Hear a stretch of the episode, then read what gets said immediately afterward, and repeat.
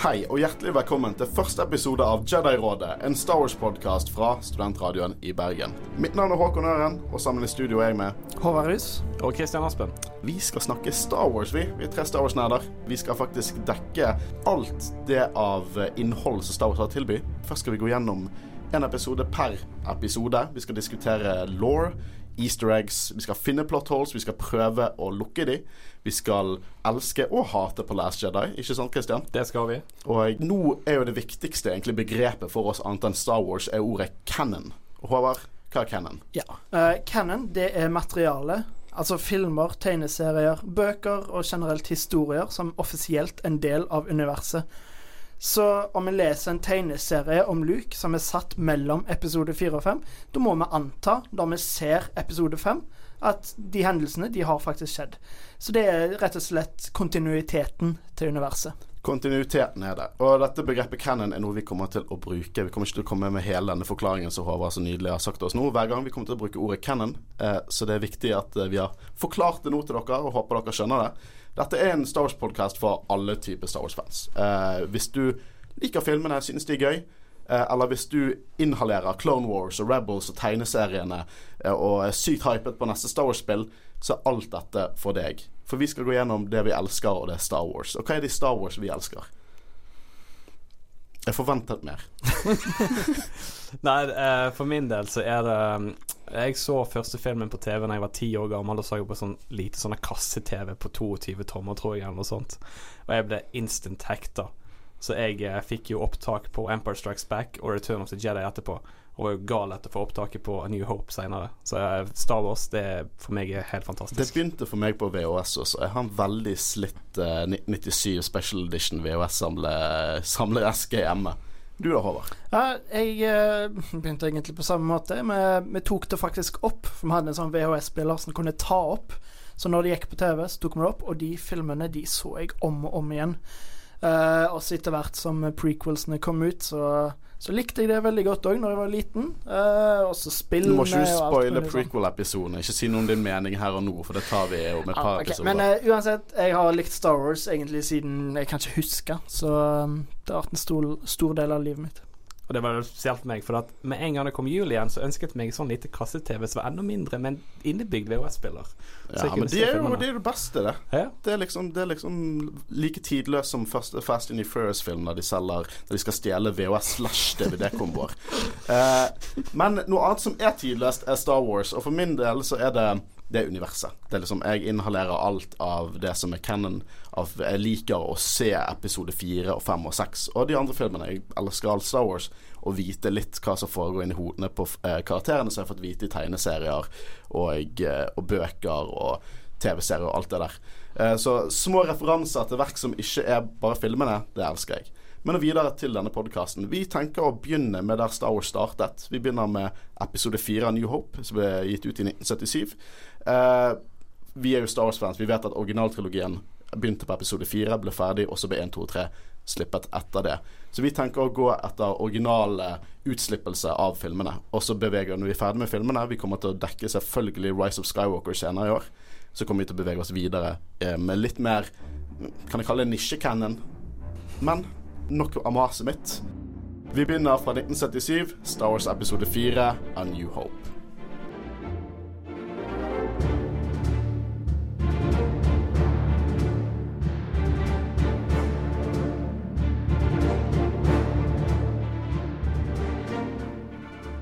Dette her er en spoiler-podkast, så jeg må advare. Hvis ikke du har sett filmene, se og kom deg foran en TV-skjerm og skru på nå. You may spoil when ready.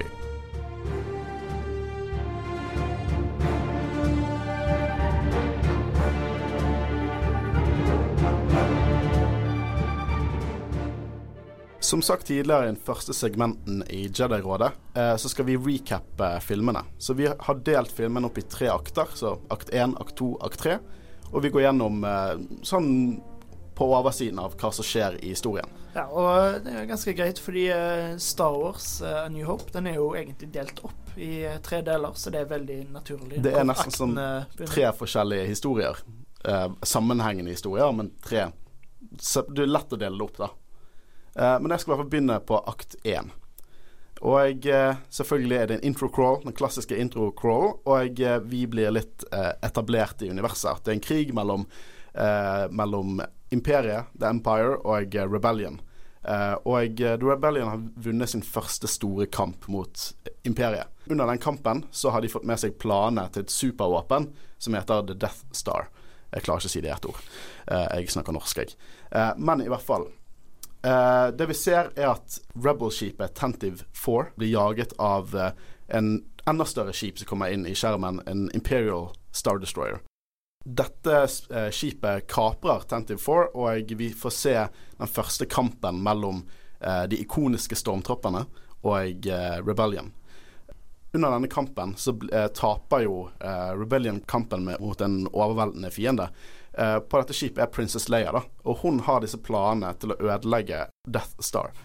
Og Det siste hun gjør, er at hun gir de planene til to droider. De to kanskje mest ikoniske Star Wars-karakterene som finnes, R2D2 og C3PO. Eh, etter Princess Leia og Rebellion blir tatt til fange av eh, Darth Vader, eh, store space samurai-bad en av denne filmen, og stormtrooperne, så unnslipper R2D2 og C3PO en escape pod og lander på ørkenplaneten Tatooine. På denne planeten så vet ikke de helt hva de skal gjøre, men de ble fanget av noen aliens som heter Javaer. Javaene er nettopp junk traders som selv kjøper, stjeler og eh, selger droider, eller roboter, som er, er R2D2 og C3PO. Disse droidene da blir solgt til eh, to personer. Eh, onkel Owen og Aunt Beru. Og Jeg sier Onkel Owen og Aunt Beru fordi at nivåen deres har mye mer å si for selve historien.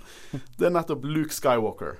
Luke Skywalker eh, har ambisjoner. Han er en farmboy som er på denne gården på en ørkenplanet ute ingen steder, og han blir egentlig trukket inn i dette eventyret når eh, det blir på en måte hintet at disse droidene var en del av The Rebellion og har større planer eh, gående.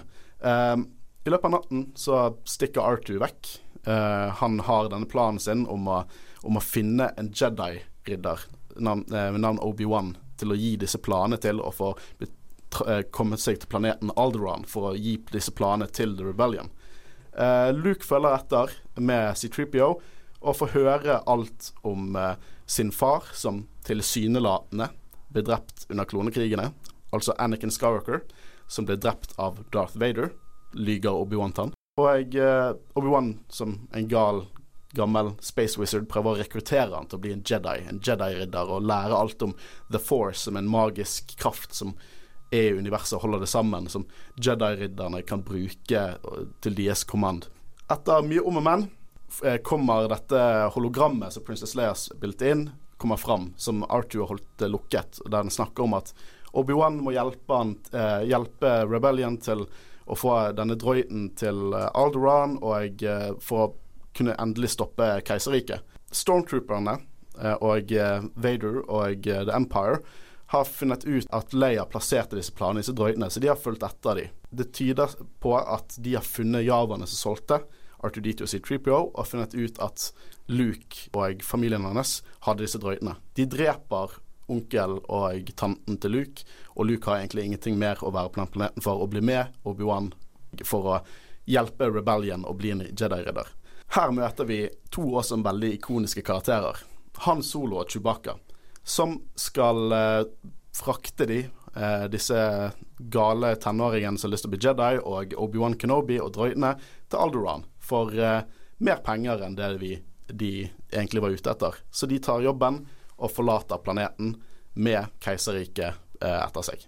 Mens de uh, reiser fra Tatooine, får vi også vite at Grand Moff Willof Tarkin, altså sjefen til selveste Darth Vader, har prøvd å finne ut hvor Rebel-basen er via Leia. Og det de gjør for å på en måte pushe henne litt, da, er å sprenge hennes hjemplanet av Alderon. Uten at Han Solo, Chewbacca, Luke og Obi-Wan er klar over dette. her.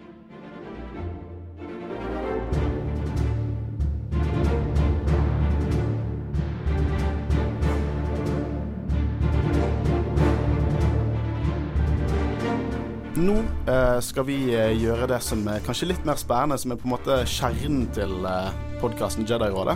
vi skal gå inn og snakke dypere om hva som skjer i filmen, og diskutere law og egentlig scener og story. Så vi kommer til å gå gjennom dette kronologisk. da Vi kommer til å snakke først om scenene som er i begynnelsen av filmen, og så beveger vi oss utover der. jeg vil bare påpeke at kanskje den scenen som bare skriker mest Star Wars for meg, er når Tentive 4 kommer inn i bildet, og du tenker at det er et stort spaceship, og du finner ut at det er i kamp, og så bare kommer en enda større Star Destroyeren. Imperial Class Star Destroyeren sakte, men sikkert inn i bildet. En scene som har blitt spofet og parodiert tusenvis av ganger eh, gjennom all popkultur, egentlig. Ja, og ja, altså det, det, tar deg med. Eh, altså, du blir engasjert helt med en gang. Og eh, spesielt måten eh, de forklarer ting på i den der eh, opening crawl. Altså, jeg, jeg ville gitt hva som helst for å kunne dra tilbake i tid eh, glemt ut alt jeg kunne om Star Wars, og sett eh, filmen på kino i 1977. Det må være helt vanvittig. Det, det, var, det, var, ganske nytt og annerledes når det kom. Altså, det var jo spektakulært. Noen hadde aldri sett dette her før sant, på kino, så det var jo storslagent. Ja, det, det er jo Star Wars er tidløs på en veldig spesiell måte. Eh, annerledes enn veldig mange andre filmer fra den tiden. Uh, det er på en måte Episode fire er kanskje den filmen som har aget kanskje ikke like bra som Empire og Jedi, i min mening, da. Uh, men det, det, er fortsatt bare det at jeg, Hvis du tenker på den type teknologi, de bruker mye miniatyrer og sånn i skipene. Uh, og jeg, jeg, er ikke den største fan av 2001 av Space Odyssey, fordi at de bruker veldig lang tid på de å vise de romskipene, og så blir man litt lei. Men her på en måte jeg, føler Star Wars eh, treffer the sweet spot. Vi ser akkurat det vi trenger å se, det vi vil se i så og så lang tid. Og jeg må bare påpeke at Imperial Class Star Destroyers er det kuleste forbanna skipet som eksisterer. Jeg elsker det skipet. Det ser så utrolig kult ut. Uh, du får liksom den der uh, gammeldagse sjøkampmentaliteten uh, bare i space, da. Og det som gjør at litt sånn, sånne småting som gjør at Star Wars ikke føles som sci-fi, men mer sci-fantasy, hvis jeg skal, kan kalle det det. Ja. Um, I hvert fall uh, Nå er jo det på en måte den første uh, actionscenen. De første to karakterene vi møter, er jo uh, C3PO og R2D2.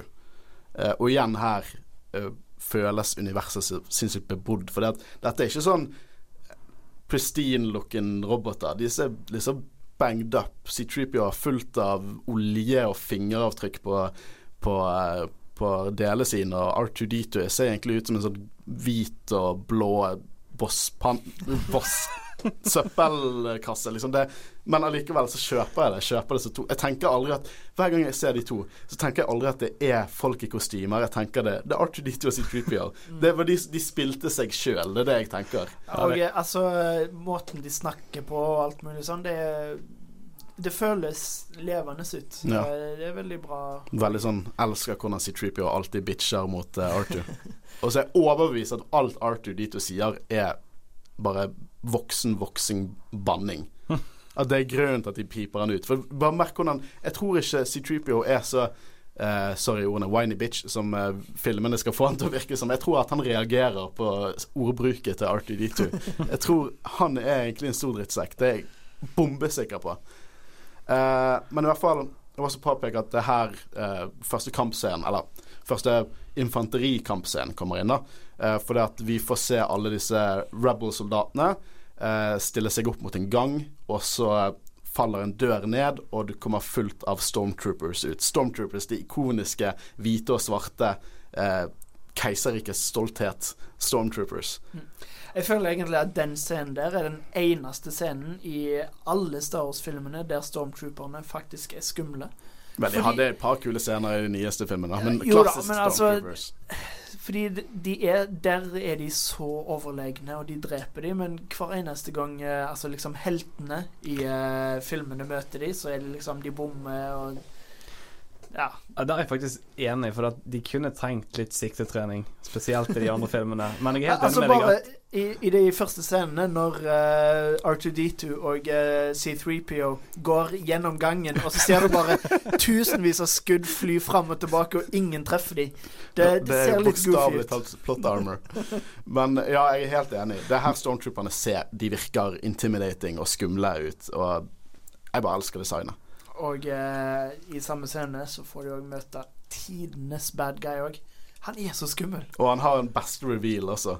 Uh, for det at etter denne kampen, uh, og røyken setter seg ned, og det ligger masse døde rebels og et par døde stormtroopers der, så bare kommer Darth Vader inn i bildet. I denne Space Samurai-svarte, ikoniske, tidløse designet inn i, uh, i bildet. Og i episode fire så han ser litt mer wonky ut. Du kan se at uh, hjelmen hans er malt med en, en kost. Og, mm. og han har klovne, uh, klovnesminkementaliteten i forhold til fjeset hans. For det annenhver panel er gunmetal, og hvert panel er svart, sånn at det skulle lyse mer ut på kamera. For Før skulle han være helt svart, men det gikk ikke, for du så ikke detaljer.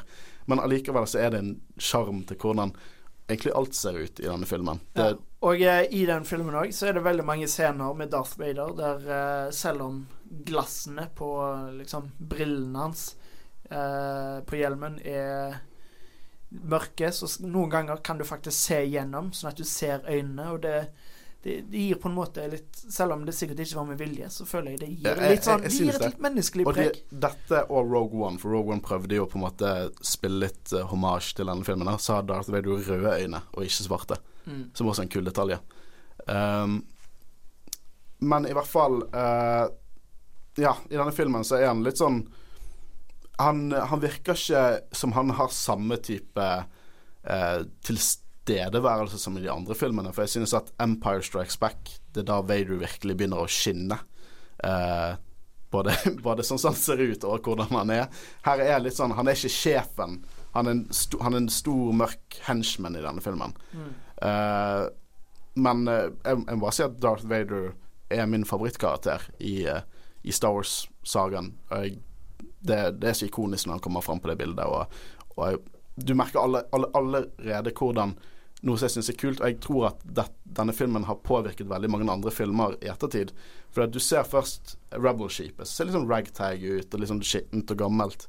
Og eh, av alle de soldatene der, så er det på en måte litt eldre folk, veldig mye forskjellig, de ser litt nervøse ut. Og så kommer disse rene, hvite eh, stormtrooperne inn.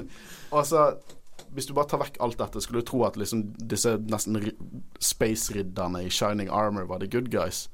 Og jeg ser sånn for eksempel hvis du ser på The Hunger Games, der de virkelig prøver å få den Stormtrooper-bildet inn. Sant? At the bad guys har uh, hvite, uh, rene og uniformer, hvite rustninger.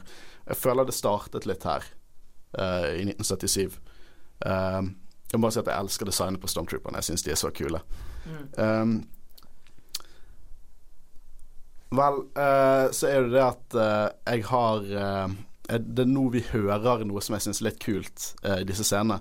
Fordi at C-Treeper er livredd for å bli fanget av Empire. og så snakker han om at hvis de ble fanget, så kunne de bli sendt til The Spice Mines of Castle. Som jeg syns er veldig kult, for det er 41 år senere etter denne filmen. Så første gang vi fikk se Spice Minds of Castle, var jo faktisk i filmen solo av Star Story. Jeg skal ikke gå så mye mer inn på den filmen, for vi skal ha egen episode om den filmen. Jeg bare syns det er en kul throwback som på en måte ble nesten foreshadower solo 41 år før. Mm. Og akkurat uh, det du sier der, er noe av det jeg liker best med Star Wars. Fordi i veldig mange science fiction-filmer og uh, fantasy-filmer, spesielt der det er basert på bøker og sånn, uh, så er det så ofte at de bare trykker oss fulle av eh, liksom eh, plot og eh, worldbuilding. Altså at det er liksom Du, du får det de, de, sier så mye, og det, det, blir liksom vanskelig å vite hva du skal fokusere på. Men i Star Wars er liksom det, Verden føles bebodd og alt mulig sånn, uten at de liksom trykker det i trynet. Sånn som det med at de bare nevner casual liksom Kessel, og uh, senere i filmen uh, liksom bare Oh, you fought in the Clone Wars? Uh, og vi aner ikke hva Clone Wars er. Med mindre du har sett de andre filmene, selvfølgelig. Men at det er liksom, de forklarer det ikke. De bare nevner det. Det er ikke exposition. Jeg mm. tror det er sånn det er. De på en måte bare nevner det som at det er ikke såpass avansert at hvis du hører det, så begynner du å tenke sånn Ja, men jeg klarer ikke å følge med, for jeg vet ikke hva det er. Men de nevner det på en veldig naturlig måte. At du bare sånn antar. Du antar hva det er. Og, og igjen, worldbuilding er liksom the A-game til denne filmen. I hvordan ting ser ut, og hvordan ting blir sagt. Og det, det, er virkelig kult og virkelig tidløst. Det, jeg tror det er en av tingene som gjør at dette universet er så fascinerende for fans der ute. At det føles så bebodd og ekte ut. Um, jeg har en teori, da. Eller jeg, jeg, vet at det er sant. Uh, det bare alle går imot meg. Jeg er bombesikker på at The Empire er the good guys. Og jeg har argumenter for det. Og det første argumentet mitt her Ja, nå er jeg spent. Ja, det er det at eh, løp, i løpet av denne kapringen av Tentive 4 eh, så uh, fanger de Leia, da. De finner Leia i en liten korridor etter hun har gitt Death Star-planet til R2D2. Og så sier den stakkars stormtrooperen kjempehøyt Set for stun. There she is. Set for stun. Og hva gjør Leia? Dreper han. Skyter, han, skyter han ned. Kan dere forklare meg det? Hvordan er ikke dette her sånn psykopat-terrorist-oppførsel? Fordi de er bad guys. De må de, Det er fordi de antar det. Dette er sånn propaganda, dette her. Set for stun. Kjempehøyt. Alle kunne høre det. Det er nesten så Josh Lucas også visste at de var good guys. Men var ikke det, sa ikke Darth Vader at uh, han ville ha henne i live? Ja ja, men hun hørte jo ikke det. Nei, hun er nei, nei. men altså, når hun nettopp har sett uh, hva The Empire har gjort med alle vennene hennes, og de som er på skipet og til og med det, Nå går vi litt bare Ja, men i Rogue One, I Rogue så One. Det, Ja, sant. Alt vi vet Jeg skjønner hvorfor Darth Vader er jævla sint på, på Leia når hun prøver å snakke seg forbi. Bare sånn jeg så deg for 20 minutter siden. Kjøre vekk med de planene. 20 minutter siden så sto jeg og så deg kjøre vekk. Og nå prøver du å blande inn Senatet og all slags type tull.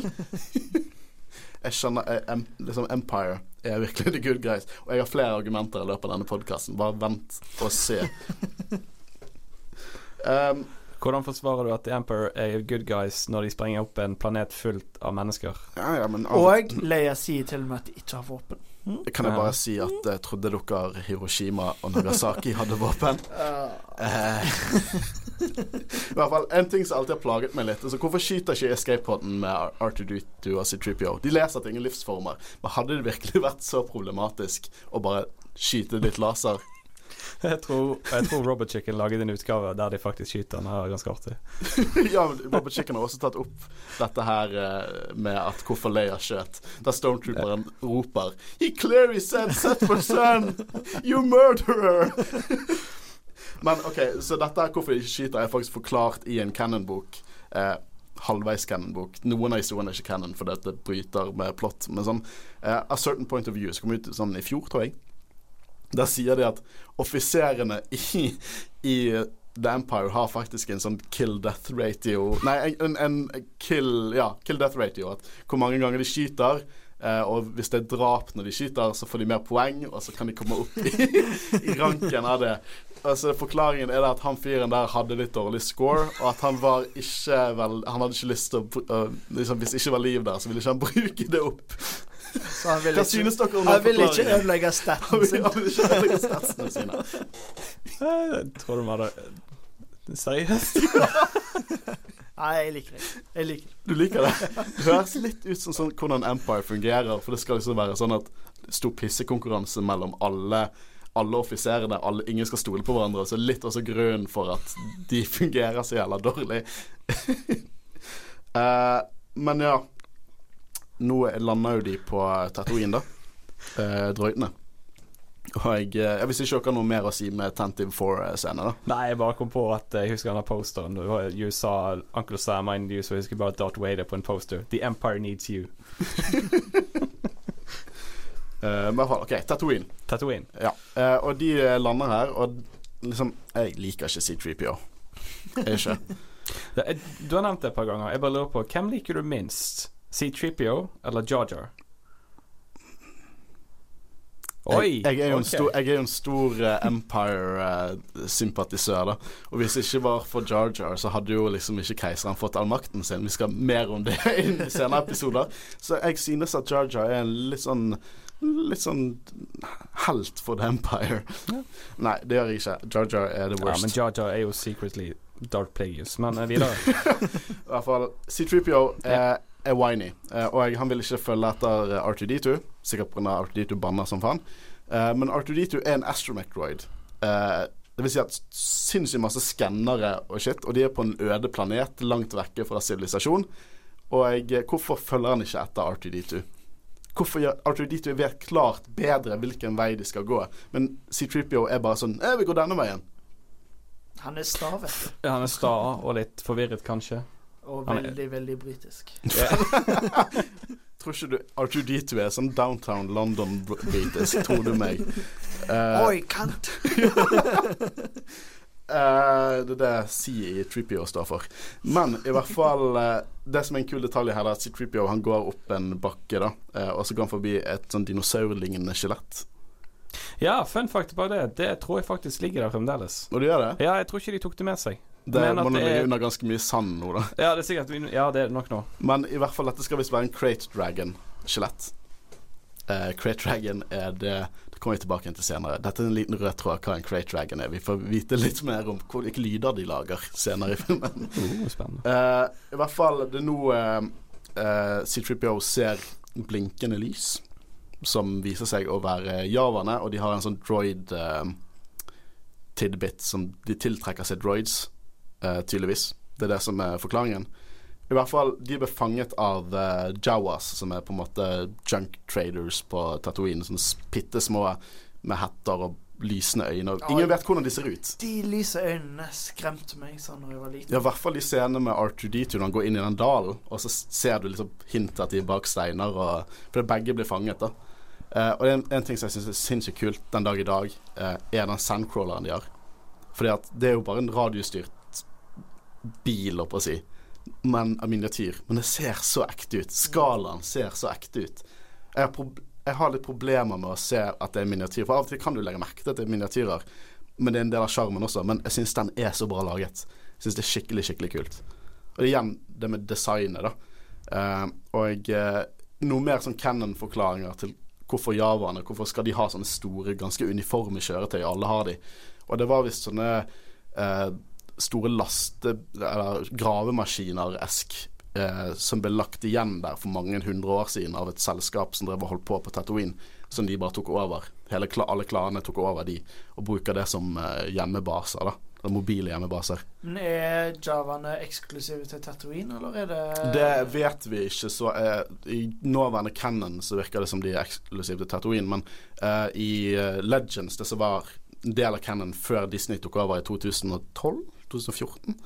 Uh, I hvert fall så var det det at uh, på sånn, en søppelplanet som Narshada, så var det også Jawa der. At de bare egentlig var steder det var søppel. De liksom, de er litt sånn som kakerlakker. Jawas, disgusting creatures.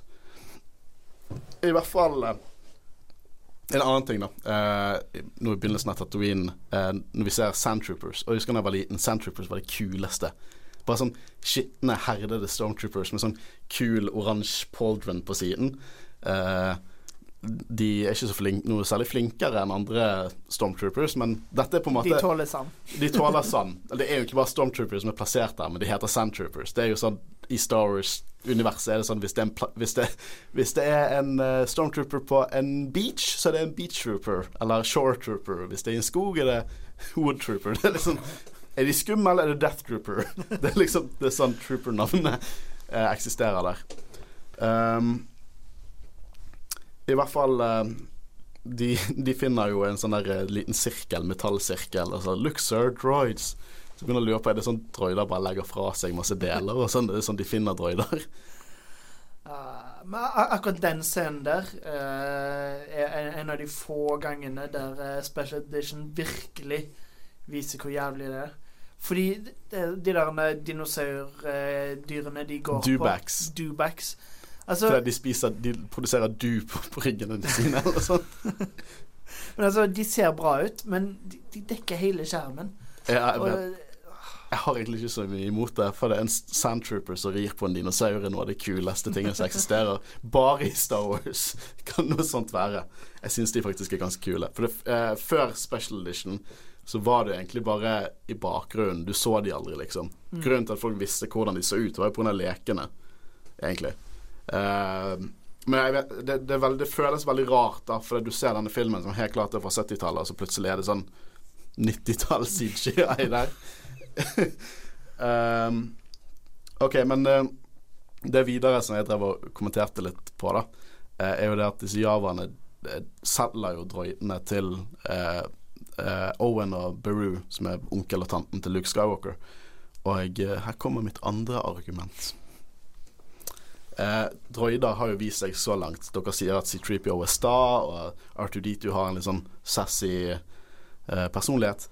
Vil dere si at droider i Star Wars-universet på en måte er sentient? Er de liksom, har de følelser og tanker som mennesker? Det virker iallfall sånn at uh, C3PO har det, men det er jo òg mange forskjellige droider.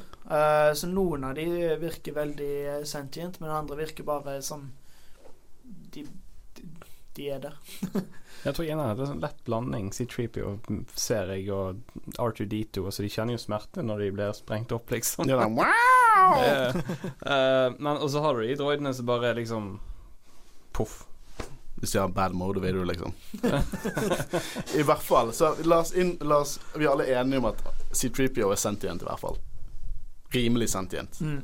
Uh, så er dette slavehandel.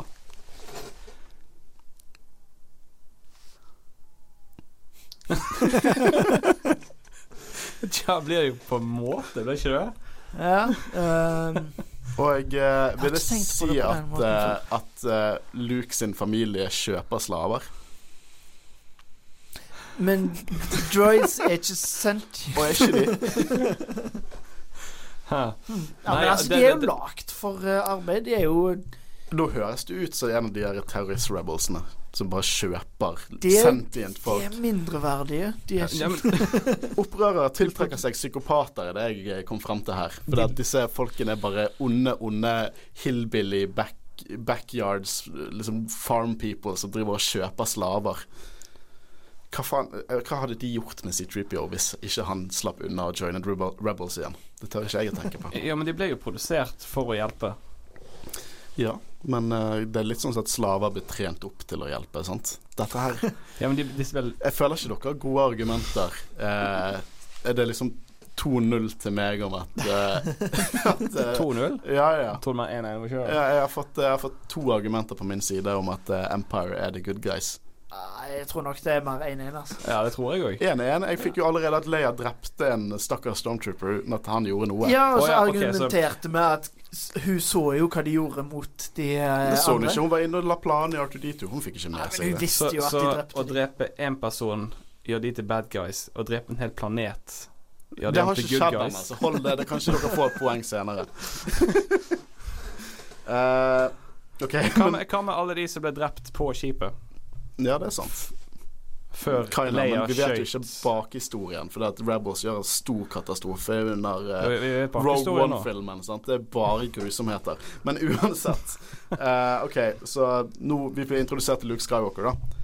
Uh, og den fantastiske Luke Skywalker-musikken, Theme, kommer inn. Og, og det som alltid har irritert meg litt Ikke irritert meg, det irriterer meg mer på metating, da. Men Aunt Beru, sånn som hun Luke, roper på Luke roper sånn 'Luke! Luke!' Og så min mor ropte på meg, og så ble hun irritert når jeg ikke svarte. Men hun ga, gir ikke nok mellomrom i gangene hun roper, sånn at jeg har tid til å svare. Og det har ikke Luke heller. Sant? Sikkert en av uh, grunnene til at han har blitt sånn psykopatisk slavekjøper. Men i hvert fall uh, C3PO drit, Jeg føler han driter litt i R2D2 her, fordi at C3PO ble valgt ut til å uh, jobbe på denne farmen, da, og jeg kommer med litt sånn litt sånn offensive remarks at de er ute i ingen steder og Altså, hva skal han gjøre? Han kan jo, sikkert, kan jo sikkert bare si Nei, men jeg må ha han her med meg. Ja, han kunne jo sagt det. Ja, men tror du virkelig at uh, Owen, som er tydeligvis en så stor psykopat Tror du han hadde brydd seg om det? Ja, hvorfor husk Ja, det tar vi når vi tar etter Attack of the Clones. da skal vi ta på, påpeke det. Men i hvert fall, Så de velger en uh, rød Astronaut Droid, da. Basically en rød, mer geometrisk R2D2 Uh, og så sprenger han foran en bad motivator. Og hva er en bad motivator? er han bare ikke motivert nok til å jobbe? Er det det? Jeg, uh, det er en sånn, sånn chip der de blir motivert for å jobbe, så de må sikkert ha innsatt i seg sjøl. Så han er bare, um, han er bare umotivert? ja. han, er som, han, er liksom som en kid som tar friår mellom studiene, liksom. jeg har lest en teori som mest sannsynlig ikke er sann, men uh, jeg liker den veldig godt, og det er at Uh, Uh, R2 hadde snakka med denne droiden og fortalt om alle planene og sånn. Og så når han finner ut at uh, Altså, han må jo komme seg ut. Uh, så derfor så ofrer han seg sjøl, sånn at Arthur blir valgt istedenfor. Jeg tror heller at Arthur saboterte han. Jeg tror heller det. ja, jeg tror Arthur saboterte den droiden, for han sa den eneste andre astromech-droiden på det, og hvis han ble valgt ut, så kunne hende at han ble valgt ut av den her, så han, han, eh, han plasserte en uh, bad motivation igjen. Var ikke det flere, da? Som var til salgs? Altså saboterte han ja, men alle? Sånn, det var en Wally-droid der også. Altså, en sånn, en sånn edderkoppdroid som bare aldri ble brukt til noe. Jeg skjønner ikke grø Hva skal den gjøre? Hva skal den gjøre? men vi skal være glad for at uh, Red uh, ikke var motivert nok til å ta over jobben til Arthur, i hvert fall. Um, og da, da, da C3PO kommer inn og backer opp uh, Arthur litt og sier at han er pristine condition. og ja det videre så har jo vi inni garasjen til Luke uh, Dette er jo den mest whiny filmen til Luke. da Han var også litt lei seg for han ikke kunne dra til Toshi Station og plukke opp noen power converters. Luke er så whiny i denne filmen. Jeg takler ikke Luke i denne filmen. Jeg liker ikke Luke i denne filmen. Han er så whiny. Åh, han, han, han, har, han har vel litt Hayden Christiansen i seg. Uh, ja, ja. han, driver, han driver og leker med en Skyhopper-modell. Uh, som har blitt et veldig ikonisk skip, selv om vi nesten bare ser leketøy, liksom in universe-leketøyet i filmen. Men i bakgrunnen, for det er der han sitter og sånn Å, jeg får aldri lov til å dra fra, fra dette stedet. Uh, men i hvert fall, han uh, leker med den skyhopperen. I bakgrunnen så kan du se faktisk den store, ekte modellen av skyhopperen. Bare bitte litt av den kan du si, i bakgrunnen. Og det er alt den, den, det skipet er med i filmen. Men jeg tror igjen det er leketøyene som har gjort at han har blitt, blitt så ikonisk. For det er ganske kult design, da. Mm. Um, det er den han skyter Womp Rats i, tydeligvis. Igjen et, uh, et, argument for at han er ikke helt mentalt stabil. Men Womp Rats, de er skadedyr, Håkon. Er de det? Er de det? Jeg vet ikke hva det er engang. uh, men i hvert fall uh, Han driver og snakker om uh, Eller snakker med drøytene, da, og C3PO får et oljebad, og, og R2 begynner å liksom spy ut litt av dette hologrammet til Leia. og det første Luke sier når dette hologrammet kommer ut, da, er bare 'Hvem er det?' Hun er kjempevakker. Tenker Vær, vær litt forsiktig nå, Luke. Det er litt sånn Game of Thrones-melodier i bakhodet mitt her. uh, I hvert fall han, Det er jo uh, der de begynner å snakke om sånn Ben Kenobi, da, uh, og om det kan være Obi-Wan. Uh, med en kul detalj der Eller det er, ikke, den detaljen en detalj som blir introdusert til Lauren senere, med at Ben faktisk var kodenavnet som Obi-Wan brukte når han var undercover uh, under uh, klonekrigene. Da kalte han seg selv for Ben. Men det er jo litt sånn teit at han gjemmer seg for for både for imperiet og at han skal følge med, og allikevel så skifter han ikke ett navn. Ja, det, det syns Ja, det, det er weird. Det er litt weird også at de plasserer Luke der, da, men vi får gå mer inn på det når vi snakker om den filmen. Uh, ja, det er jo litt merkelig at de skal med, uh, skjule Luke fra Imperiet, og så kvitter de ikke med etternavnet i tillegg. Jo, uh, jeg tror ikke det er så mange i universet som heter Skywalker heller. men i hvert fall så Jeg har et nytt argument, da. For Empire sitt good, good guys. Jeg er klar for å skyte deg ned. Ja, ja.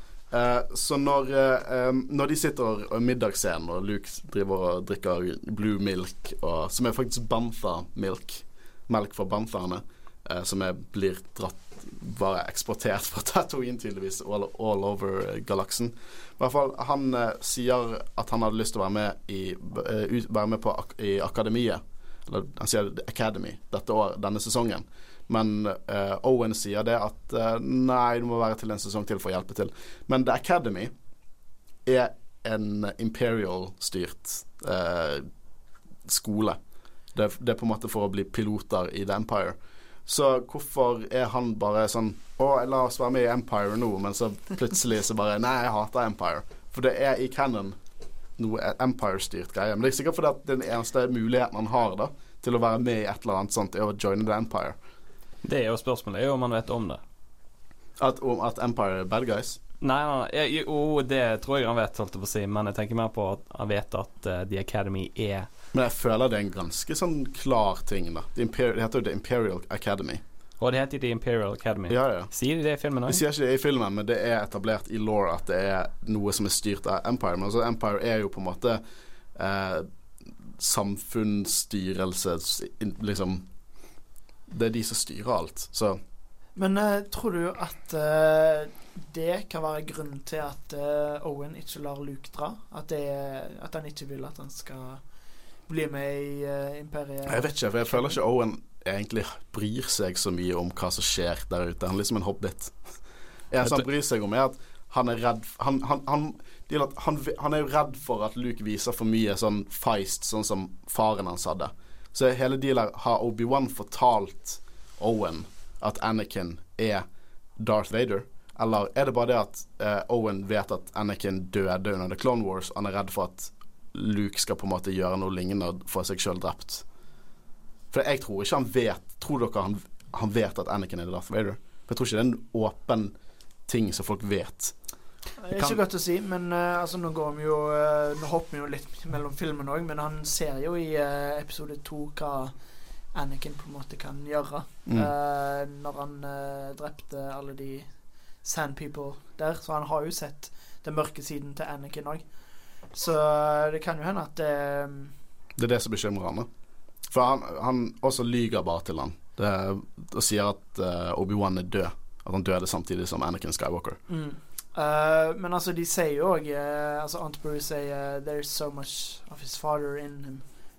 Og så sier Owen 'That's what I'm afraid Ja, så jeg tror ikke de er klar over det. Jeg tror de er mer bare at han er redd for at han skal få seg sjøl drept. Og for jeg tror ikke Beru had, hadde ikke sagt det hvis hun visste at Darth Vader løper der ute og gjør onde ting. Ikke, jeg syns ikke han gjør onde ting. Da. Jo, han gjør ganske onde ting. hvis hun hadde visst at det var faren, så hadde ikke hun sagt det, tror jeg. Ja, det er godt mulig. Det er jo litt som at liksom At uh, Hitler hadde et barn, og så sier 'Oh, there's so much of his father in him'. um, men i hvert fall um, Nå er jo det det at, uh, at Arthur bailer uh, fordi at han skal fullføre oppdraget sitt. Og uh, C-Tripper er livredd for at denne gale familien skal skjøtte han ned for han lot Arthur forsvinne. Så C-Tripper er livredd denne gale familien. Livredd. Argumentene bare ruller inn uh, hos meg. Uh, deal uh, I hvert fall han møter jo på disse Tusken Raiders og blir slått ned. Og en, her er det også masse kule design. for når de leter etter Arthur, da. Men mye kule design, da. Disse banthaene er jo faktisk elefanter med kostyme på seg, som jeg syns er det er litt shady. Hvis noen hadde spilt inn en film i dag, så hadde det sikkert hatt kjempemye kontrovers rundt det. Men jeg kjøper det. Jeg kjøper, for det, bevegelsen er så naturlig at det ser ut som ekte dyr, syns jeg. Mm. Uh, og uh, Det som uh, skjer, er jo det at han blir jo slått ned av disse, disse Tusken Raidersene, og C3PO mister en arm, og R2D2 gjemmer seg bak en CGI-stein som George Lucas i all hans visdom måtte legge til.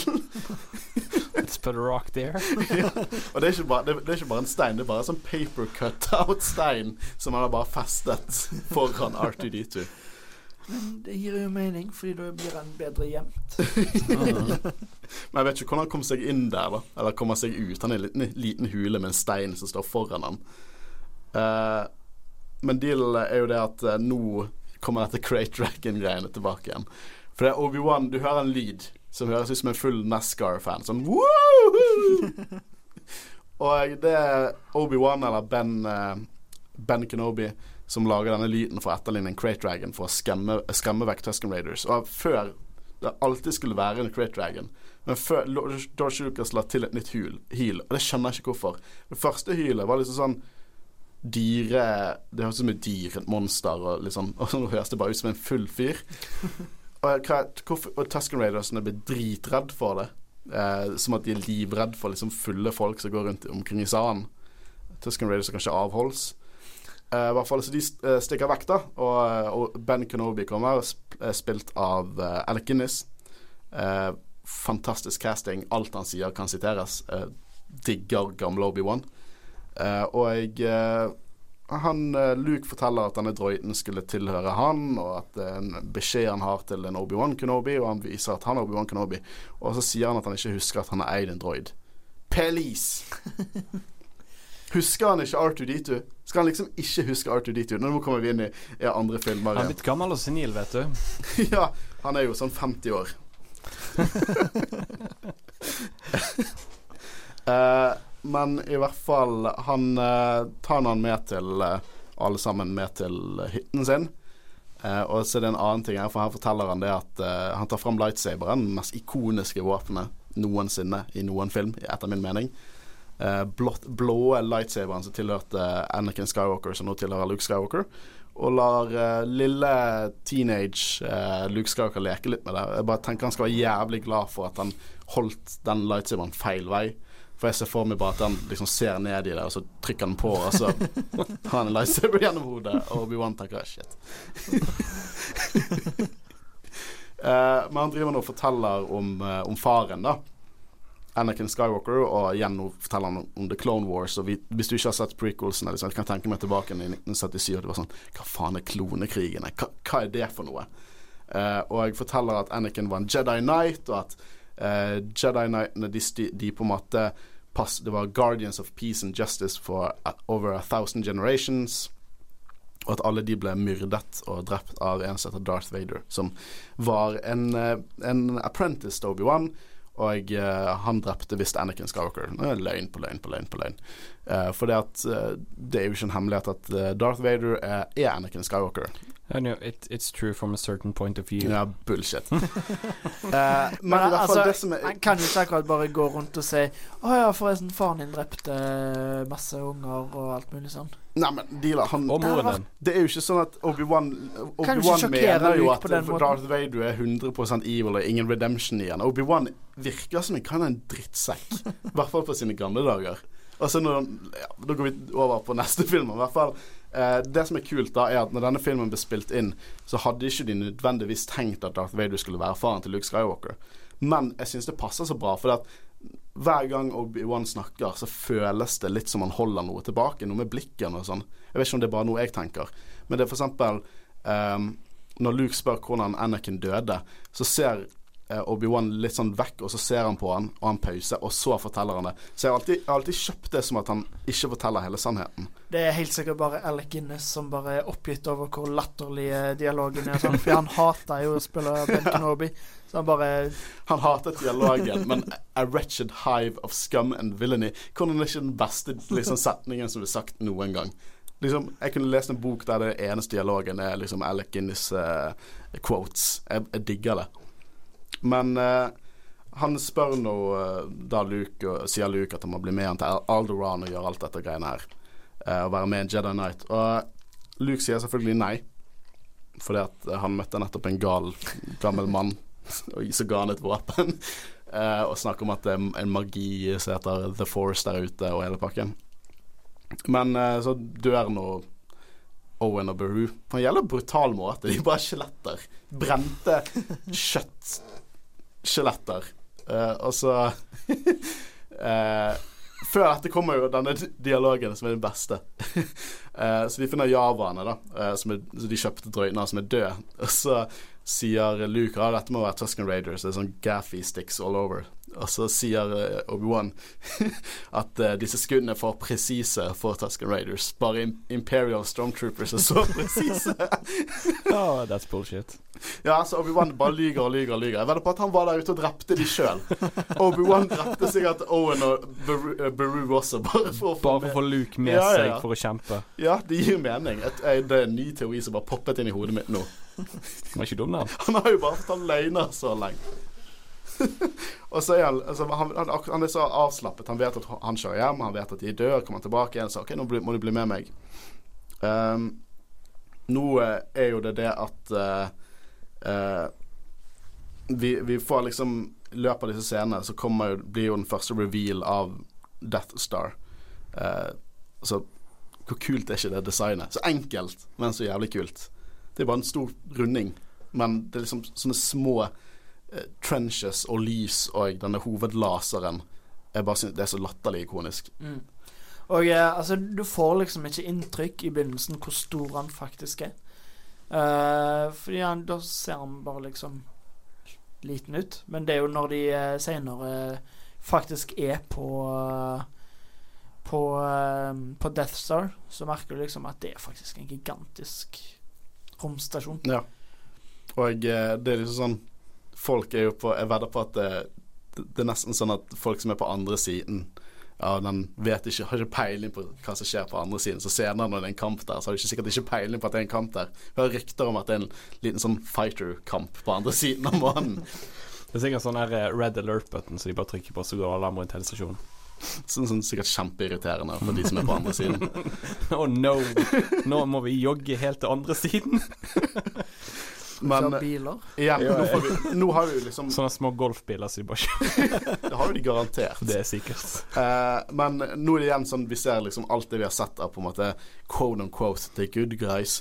Uh, at det er liksom skittent og brukt og levd i. Men så kommer vi til Death Star, som er bare sånn grå og svarte paneler, og disse ikoniske lyspanelene. Som kun eksisterer der fordi at de klarte ikke å få nok lys inn i uh, inn i, i liksom studio, så de måtte finne ut å ha ta lys i en del av scenene. Og det har blitt kjempeikonisk, de har lyspanelet. Jeg tror på alle sånn Hasbro-lekene så er de lyspanel i bakgrunnen. Og det er fordi at en eller annen uh, set-designer var sånn Vi må få mer lys der inn.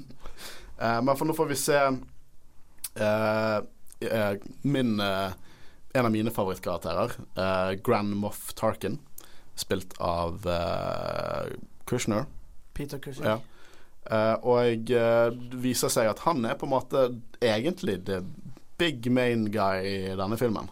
Mm, han er overordna, til og med til Waiter. Ja, og jeg, uh, jeg, jeg, føler alltid at de to er bros, for det føles som de er de eneste som er venner med hverandre. jeg liker veldig godt den scenen når de er på det der møtet, og Vader kveler han en Altså force choker han ene, og så med en gang Tarkin sier 'release him', så, så er liksom så, så slutter han. Og, ja, og, så går han liksom tilbake på andre siden og liksom får være på høyre side. Og det, han har respekt for Tarkin. Ja, og det er da vi også får mer Det er egentlig den første gang vi får en The Force reveal. Det, ja, det er det. Når han mm. holder på å kvele han. Og så får du en av de fantastiske punsene til Waiter. I find it like a fate disturbing. ja, å, det er så bra. Og det er sånn Han er glad i puns. Han er, ja, han, han, er en dad. Han liker dad jokes. Men jeg tror det, det begynte mer i femmeren enn fireren, føler jeg. Men eh, at det var mer punch i filmen? Ja, ja. Det er apology accepted, Captain Nida. Yes. I hvert fall, eh, nå får vi se alle disse, alle disse offiserene, toppmennene i The Empire, i hvert fall rundt prosjektet med The Death Star. Og de, nå snakker de litt om om på en måte den seieren som Rebels har hatt før filmen begynner. Da, det vi ser i faktisk i Rogue One. Så her er det faktisk masse referanser til Rogue One, og de begynner å noen av de kritiserer Tarkin litt fordi at han som han er litt redd for det at de The Rebels var mer på en måte sammen enn det han fryktet. Hadde mer eh, ressurser og våpen enn det de trodde. da eh, Men de begynner å snakke om at disse planene som er vekke, at de ikke Det burde ikke være et problem. Eh, og det virker som Empire egentlig problemet er at alle er så jævlig cocky. Så ingen tror at det kan være et problem, og alle prøver å være over alle andre. Eh, så de, de, litt Organisasjonen kan ikke gi dere det at keiserlig organisasjon er litt sånn uh, iffy. Men altså, hvis uh, du hadde hatt en sjef som uh, var veldig glad i å drepe folk hadde du gått imot han da og sagt uh, Jeg hadde ikke, søkt, hadde ikke søkt på jobben til å begynne med. Tenk om bli ble tvunget, da. det er sikkert kjempedårlig sånn der uh, work security measures og hele pakken. Så, de dreper jo alle i hytt og pine. Uh, nei, men de er good guys. Uh, I hvert fall Jeg, jeg syns Tarkin er en skikkelig kul karakter. Uh, fordi at han er på en måte Han er så rolig i forhold til alle andre Imperial Officer som driver og sånn skriker og frekke og cocky mot hverandre, mens han er på en måte rolig. Når han er mest på en måte sint, det er når han nesten bare sier 'Vader release him', og det er også ikke noe sånn særlig Han er bare så Han minner meg om Tywin for Game of Thrones. Mm. Spesielt hvis, mm. hvis, vi leser, som har vært kult om vi gjorde senere, å lese boken, boken Tarkin, uh, som var egentlig biografi om han. Uh, og uh, også det at han har respekten til Vader, og det i seg sjøl gjør at du, du, må bare være en badass karakter. Um, I hvert fall Vi kommer nå tilbake igjen til, til Tatooine, da, for de skal reise til uh, Mos Eisley. og jeg for nå har jo Luke ingenting mer å gjøre der inne. Når onkel og tanten har blitt skjeletter, så blir han med Obi-Wan. Eh, og de skal dra til Moss Isley som en spaceport, eh, og jeg finner seg et skip å dra derifra. Og nå er jo det en av disse scenene der det er latterlig mye CGI. Sånn, de swiper bildet med en stor sånn space elefant som bare har ingen dybde i seg. Så det ser bare ut som Jeg vet ikke hva det ser ut som. men ja, jeg er ikke så veldig stor fan av dette. Noe av det syns jeg er litt kult. Sånn, de tar opp det skipet som de bruker i Star Wars Dark eh, Dark Empire, Dash Rendar sitt uh, skip, som var i Legends. Det skipet er i uh, The Outrider, heter det. Det er, kan du se er i bakgrunnen. så noen sånne små kule detaljer er lagt til. Og jeg liker når de drar inn ting fra på en måte ikke mainstream Star Wars-canon. Um, men vi får en veldig kul, ikonisk scene der vi får se en ny Force Power. Da Obi-Wan bruker for første gang i Star Wars, vist i Star Wars, Jedi Mind Trick. Uh, og stormtrooperne virker bare enda dummere nå. det var 'These are not the droids you're looking for', den ikoniske scenen uh, mot de stakkars uh, sandtrooperne. Og det som er kult, da, at det er en canon-fortelling om han som blir, blir brukt mindtrick på. Som er et nytt argument for at Obi-Wan er bare en drittsekk og Rebellion er shady. Jedi mindtrick virkelig fucker opp hodet eller mentaliteten til de som blir utsatt for det. Uh, så han, han, her fikk ikke sove på flere dager, hadde intens migrene og masse ting etterpå. Og historien går at uh, senere i filmen er det en fyr som Stormtrooper som dunker hodet sitt, og det er han. og det skjer fordi at han fikk Jedi Mind ok, så det er law nå? ja. Okay. Men hvorfor kaller det Jedi Mind Trick? Jeg går ut ifra at sittende òg kan gjøre det. Ja, de kan jo gjøre det, men uh... Men de velger å ikke bruke det. de velger ikke å kontrollere andre sine hjerner. Jeg syns det er litt sånn shady ting. Hvis dette var Harry Potter-universet, så hadde det vært en av de unforgivable curses eller noe sånt. mm. uh, men uh, neste scene som må gå inn på, er liksom kantinaen. Hva, hva, synes, hva, var deres første inntrykk når dere så kantinascenen? Altså, Fengende musikk. Fengende musikk, ja. musikken er konge. Uh, fun fact, den sjangeren heter jizz.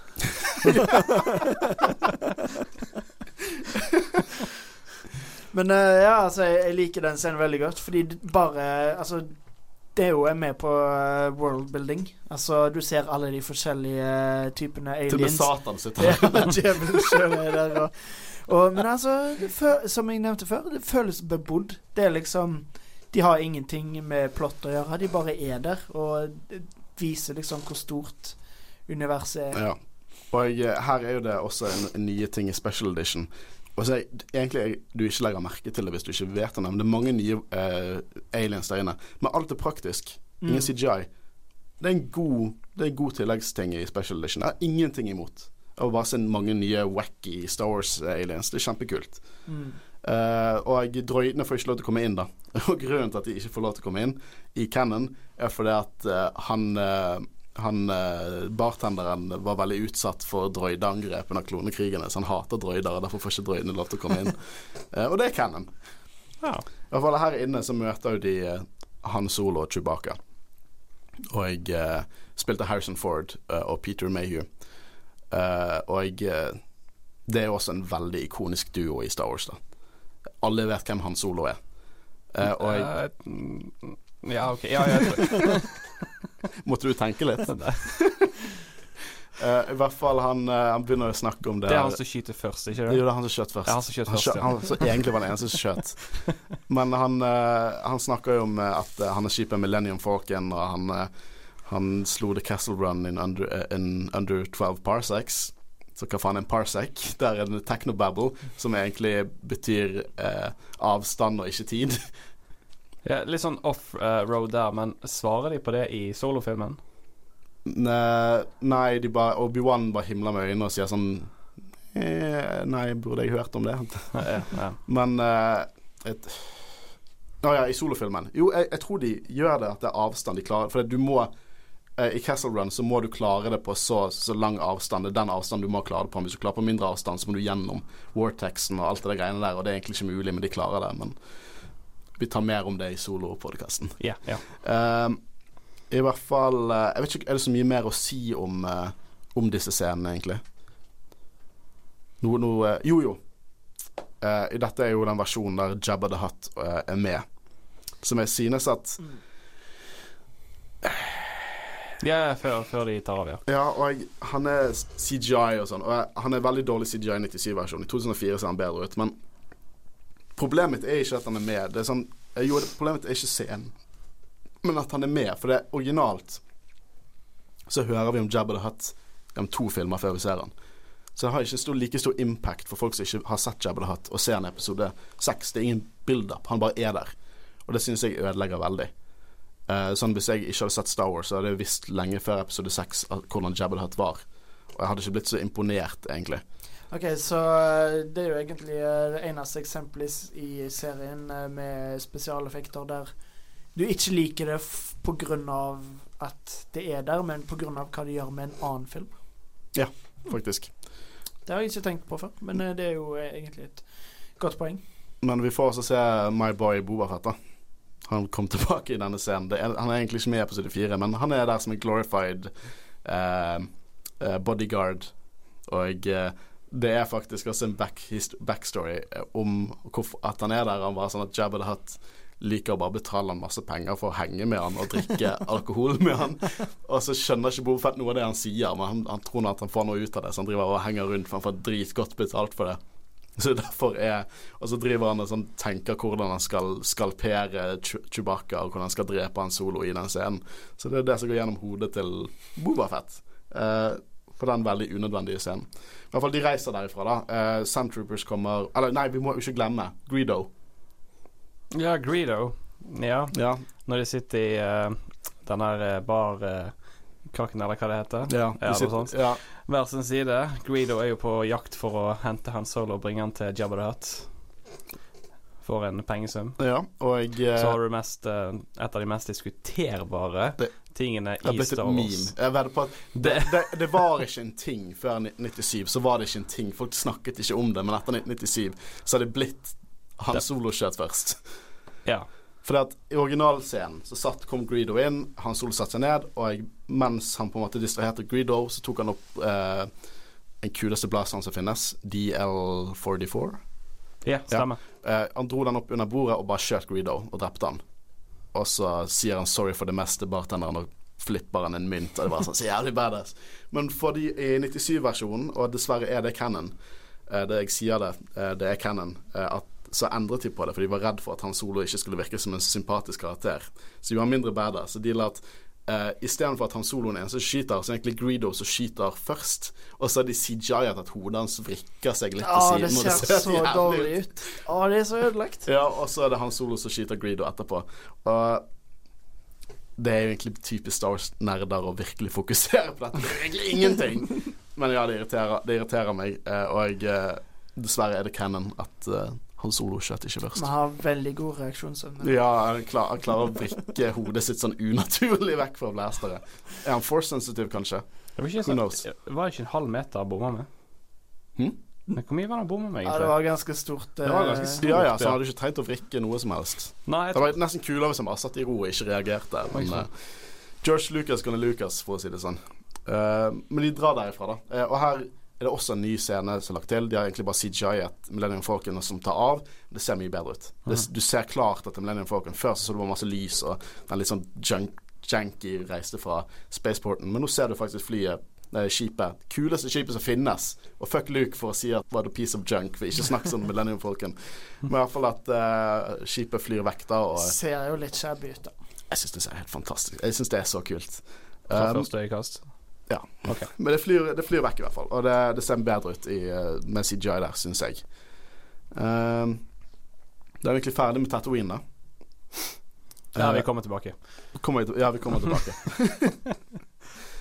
uh, I hvert fall før vi ser mer her, er jo det at uh, At Leia blir introdusert til uh, Grand Moff Tarkin, eller Governor Tarkin. Han, er, han bytter litt. Han, han, er, han var guvernøren for sitt system, og han gjorde så mye der når han var ung, så han liker å bli kalt governor. Så han går ofte som governor Tarkin, men han er en grand, grand moff. Så den eneste grand moffen som finnes. Og hva er en grand moff, egentlig? Lederne av, uh, av mili militæret i, i keiserriket, egentlig. Så uh, han er en første som blir gjort om til en grand moff. Så det er mange moffer, men han er en grand moff. Det høres ikke så badass ut, men Så du har The Emperor, Grand Muff. Og så Vader. ja, det er basically det som er nå. Nå er, nå er det treenigheten der oppe. Uh, men Emperor vel, vil veldig at, at uh, Tarkin og Vader skal på en måte være det radarparet som de er i, i New Hope. Så han har brukt mange år på på en måte bygge de sammen. da At de skal på en måte være Derfor er de bros. De er glad i hverandre. De kaller dem old friend og hele pakken. Uh, men i hvert fall her er Leia snakker med Tarkin. Veldig ikoniske scener. Uh, og da blir hun plutselig britisk. Ja. men da, Jeg leste et intervju med Altså, Jeg husker ikke nøyaktig hva hun sa, men uh, altså Det sitatet hun sier der Hun sa Prøv å si det med amerikansk aksent, og det høres ikke bra ut. Så det er liksom det, det gir Men jeg, jeg, jeg, jeg kan skjønne det litt, da. For at uh, i Star Wars-universet så er på en måte britisk det formelle uh, highborn på en måte dialekten. Så hun har jo helt klart ikke det, da, men hun, hun prøver å bygge seg, spille litt på det, da, når uh, hun snakker med Tarkin. Uh, og uh, det har mye å si på hvordan Imperial ser på dem. Sånn, jeg skal ikke nevne mer, masse om Rogue One, men den ene skurken i Rogue One, Director Krennic, han er ikke han snakker liksom australsk ish. Det er fordi at skuespilleren er fra Australia, men det er også meningen i Kennan at han er ikke en sånn brit, den britiske space-dialekten. Så mange offiserer ser litt ned på ham fordi han ikke er på en måte født inn i systemet. Han er ikke en del av en eh, imperial familie som på en måte han har gått opp den veien sjøl. Så det kan, godt, det kan forklares at Leia på en måte der, når hun var rolig For med en gang de begynner å gjøre noe som du kan si er litt ondt, eh, så faller jo den amerikanske dialekten tilbake igjen. Så det, jeg, jeg, synes at det kan forklares. Ja, det, det gir litt mer eh, Altså kontekst til det. Er jo en, sikkert en retcon, da, men det, jeg ja, det, men... det kjøper, jeg kjøper. Retcon betyr trenger ikke nødvendigvis å være en gale ting. Også fanservice ikke nødvendigvis trenger å være en gale ting. Uh, men i hvert fall her uh, uh, Jeg syns det er litt teit, da. For hun snakker om Hun, hun, har, hun har baller. Hun snakker til Tarkin som om Tarkin ikke har noen ryggrad at han er på en måte feig og sånn. Men Tarkin er liksom han er, han er, liksom kjent for bare respekten han oser. At hvordan han på en måte slår nådeløst ned. Det, er ikke første gang han har uh, ødelagt en planet, for å si det sånn, bare for å lære en lekse. Og det er det han gjør nå, da. Han prøver å få Leia til å si hvor uh, Rebel-basen er, og så sier hun Dantoine, uh, som er en løgn, da. Men han vil også teste våpenet. Etter første gang Death Staren ble, ble avskjøtet med alle reaktorene, full uh, reactor ignition. Uh, og uh, Så de ødelegger Aldron der Obi-Wan og Luke er på vei. Og Så det, det, er litt vondt. Litt slemt. Litt. Litt grann.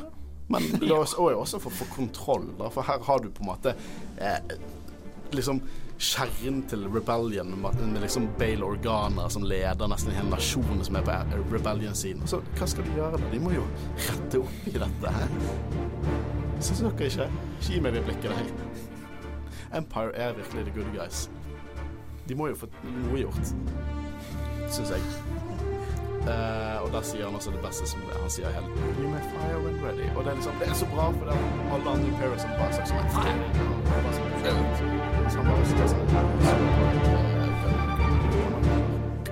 Sant?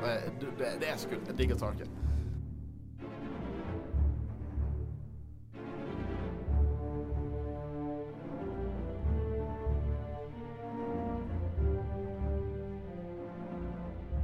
De kom ut av uh, hyperspace, uh, og der Alderon skulle ha vært, så var det bare et uh, sånn meteorittfelt.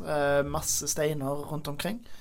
og de ser en Tie Fighter, men de er litt sånn usikre på hvorfor den er der. Fordi den er ute midt i verdensrommet uten en base i nærheten.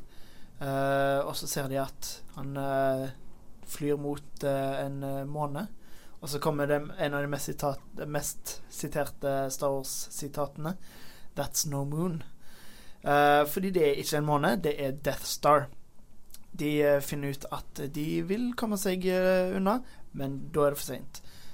fordi Death Star den har fanga i en sånn tractor beam, så de klarer ikke å komme seg unna.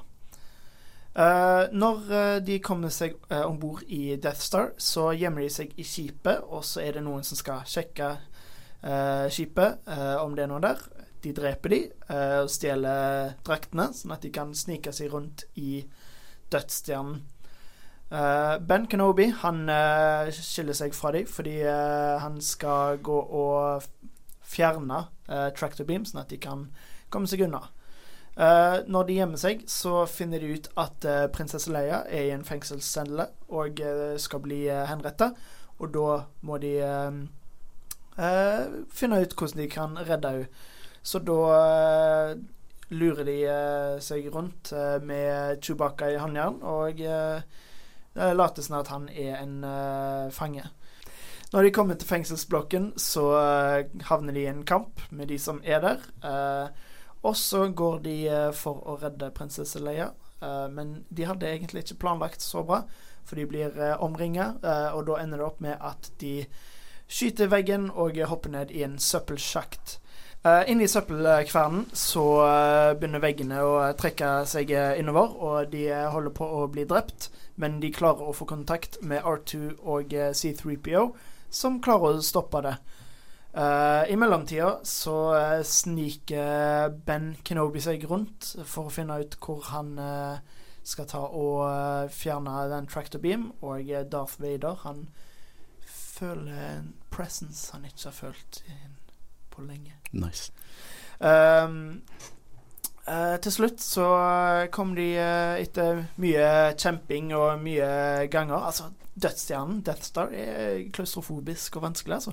At han er så stor, så litt rart hvor klaustrofobisk er ned. Ja, men uh, de kommer seg til slutt til, til Millennium Falcon, men da har Darth Vader og Ben Kenobi de har uh, møtt hverandre, og de har en ganske episk kamp. uh, og uh, Ben ser bort på Luke og ser at han ser på, og så bare gir han seg. og så kutter Altså blir han til et spøkelse. Darth Vader kutter opp kappen hans, og han blir til støv og alt mulig sånn. Luke roper 'Nei!' Og så avslører han hvor det er, og så begynner de å skyte på dem, og de klarer heldigvis å slippe unna fordi eh, Ben tok vekk den der tractor beam. Men de eh, blir forfulgt av eh, et par Tie Fighters, eh, så de klarer å drepe. Men eh, Leia sier at dette var for enkelt. Eh, de må være ha en tracking beam på seg. Uh, Han Solo sier nei, det kommer ikke på tale. Tracking Beacon, da. Tracking Beacon, ja. Uh, men uh, som Grand Moff Tarkin og Darth Vader avslører, så jo, de har en tracking beacon på seg, men de drar allikevel til Jæven 4 og avslører hvor basen er.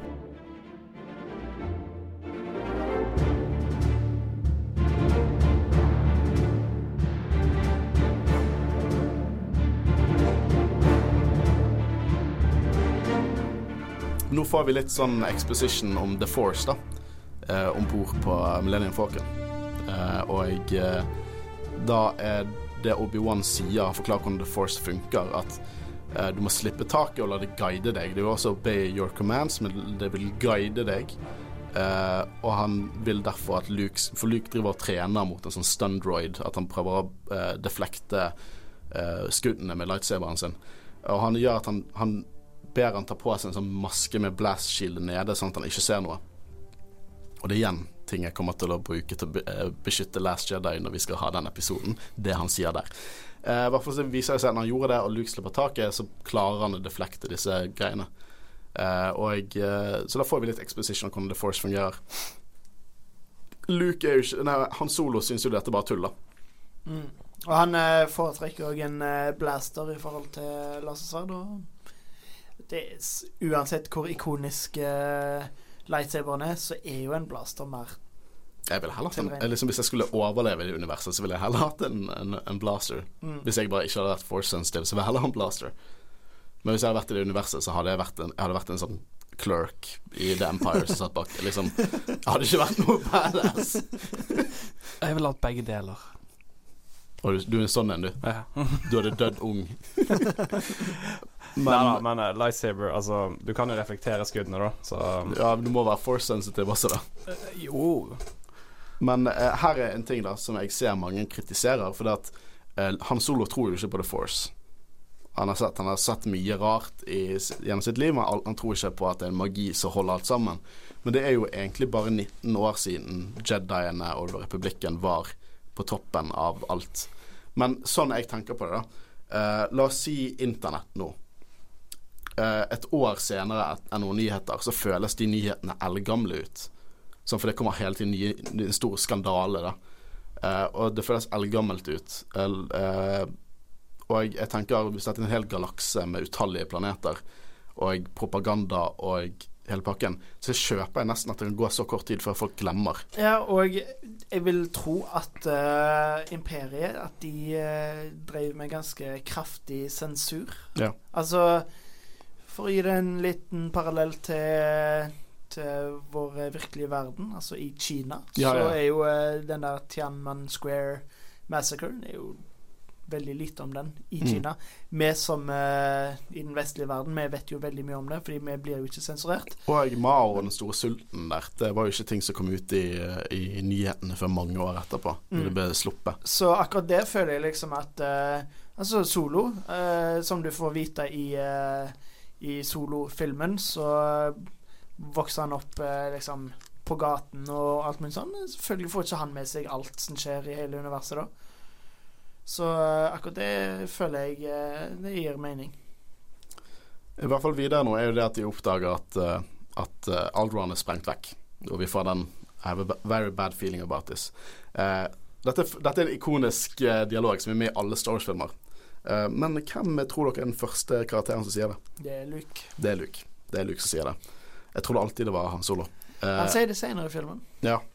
Uh, og så en annet sitat som jeg må bare ta med. For det at uh, De blir jo tatt opp i Tractor Beamen og dratt inn på, til Death Star. Og uh, da gjemmer de seg. De smugler seg på en måte der de, Han Solo pleide å bruke til å smugle varer. og så sier jo det at Han Solo vil på en måte kjempe seg ut, da. Og så sier Obi-Wan det er ikke alternativ. Vi kommer til å dø med en gang, men det finnes andre ting vi kan gjøre. Uh, og så sier han 'I knew you were a fool', eller noe sånt. Og så sier Obi-Wan 'Who's the more foolish? The fool himself or the fool who follows him?' Og det er bare sånn Å ja! Det er så bra! det er det beste sitatet som finnes. Og du kan bruke det hver gang noen kaller deg idiot, så kan du bare bruke det. Det er fantastisk. Um, I hvert fall det, det som skjer nå, er et nytt argument for at Empire er good guys. For hva er det de gjør? De trespasser. De, de, skyter på en enkel Tie Fighter som ikke bare alene ute i space. Har ikke en hyperdrive, kan ikke komme seg vekk. Men de skal drepe han. Ja, for han må jo ikke gi beskjed til de som Han er på vei tilbake til De antar de vet jo ikke at han er på vei til uh, Death Star. De skyter han før de vet hvor han er. Han, er, han, deg, han bare er ute og testkjører. For alt de vet, så er ikke det Empire-fyr der inne. Det er en fyr som har en prototype som testkjører. Det, det, det er sikkert en tenåring. Ja, det, det, det, er en fin type som prøver å rømme fordi han ikke være med i Imperiet lenger. ja, sant? Og de bare skyter, stiller ikke spørsmål. I hvert fall de lander der inne, da, og så finner de ut at de skal, de skal på en måte snike seg inn. Så de dreper fire Stormtroopers uten at de Stormtroopers får gjøre noe, og kler seg ut som de. Du hører Blaster-skuddene innenfra. De dreper de stakkars Stormtrooperne. Skyt først, still spørsmål etterpå. ja, de, de, er virkelig the bad guys. Nå begynner jeg faktisk å tro på det.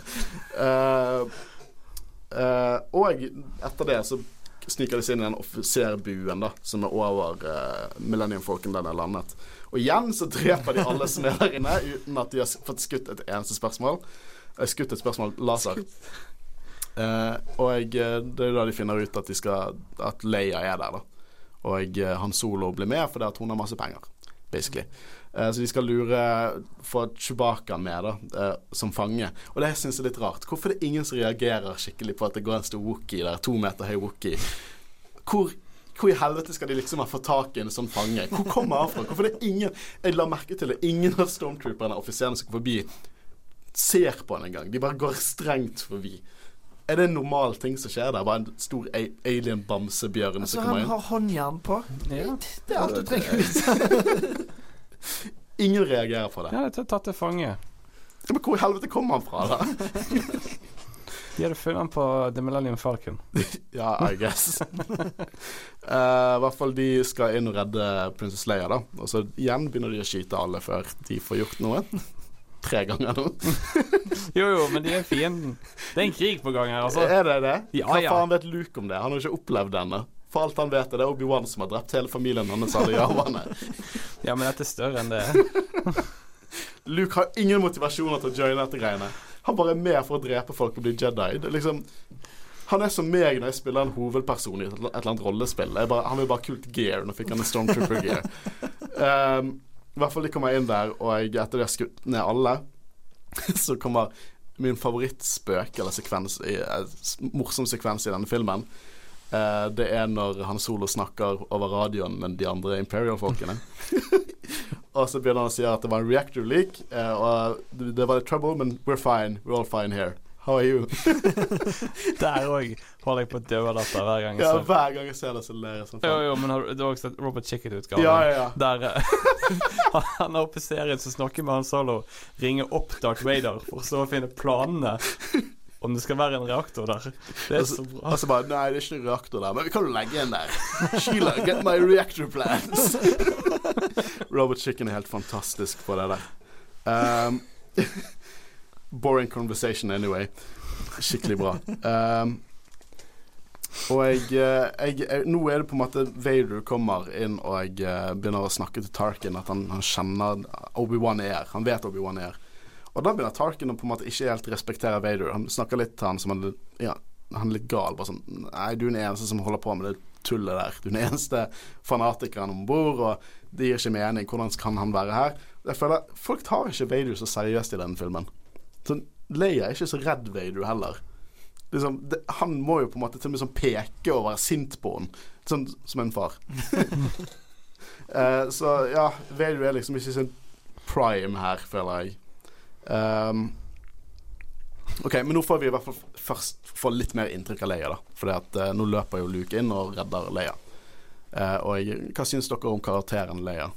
Altså uh Altså, når med en gang hun faktisk har kommet seg ut av cellen, det er jo ganske vanskelig å rømme alene, da er det jo hun som tar ansvar. Altså, de har jo ikke planlagt noe, og de kommer jo eh, eh, folk for å ta de, eh, så eh, da tar hun ansvar. og og, og redder de, så hun er en strong independent woman who don't need no man. det, det høres cheesy ut, men det er sant, da. ja, Tenk på 1777 og en kvinnelig karakter som Leia. Mm. Ja, veldig sterk karakter. Men jeg, altså, hun burde jo egentlig vært litt mer emosjonelt vrak etter alt som har skjedd. Gått gjennom et sykt mye. Hele familien hennes dør, liksom. For hun virker bare irritert. Ja, ja. og blir torturert av en flyvende ball, og det er liksom alt hun har vært gjennom. Uh, og jeg eh, Ja, så de hopper jo ned i garbage, garbage shoot. Og enda en ikonisk scene. Ja. Uh, og jeg, det her jeg bare tenker at Chewbacca er bare en stor bamse. Pingle, liksom. Livredd. og det, jeg bare elsker dynamikken mellom Han Solo og Chewbacca. Og get in there, you big fur, uh, furry coward. Det syns jeg er kjempebra. Um, og jeg må også påpeke en annet argument for hvor bra Empire er. Så de har plassert dette monsteret inne i garbage shooten for å bryte ned organisk materiale. Det er canon. De plasserer det der for å bryte ned organisk materiale. Så sier at de er skikkelig opptatt av omgivelsene sine. Så de resirkulerer? De resirkulerer.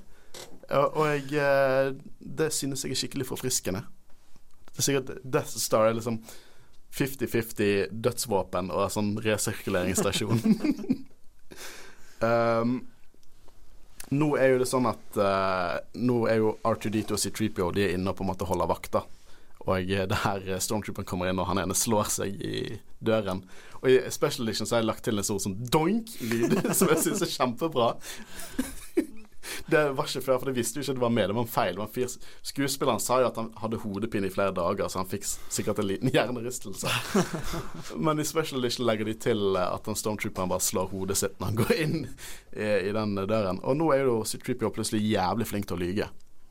Han bare lyger seg rett ut av det der for å passe på videre. Altså de, de er jo ganske dumme, da, de som uh, kommer for å sjekke det ut. De ser to droider som Kim hvem er de? Hvor kommer de fra? Matcher ikke estetikken til Empire engang. Uh, og allikevel så bare tror de på det og stikker unna. Så det De er litt dumme, de der Empire-folka. Ikke si det. Uh, de er jo en og samme person, da. Ja, ja. Men uh, nå er det også det at jeg reagerer litt på at Arthur stikker sin private del inn i liksom alt han finner. Han er litt Hva, hva snakker vi om nå? R2 han stikker liksom sin eh, liksom joystick inn i uh, alt av eh, ting han finner. Så nå stikker han inn i i uh, Death Star-maskineriet, og jeg syns han er litt, litt tøs. Tenker liksom ikke over så mye hva han stikker han inn i. Nei, men hva, hva kan jeg finne her inne, liksom? uh, og det er jo en spøk som er i Empire som bygger litt på det, så vi skal komme tilbake til da. Uh, men her er det god humor, syns jeg. For det at uh, nå liksom The Crew er jo inne i garbage shooten og holder på å bli klemt sammen.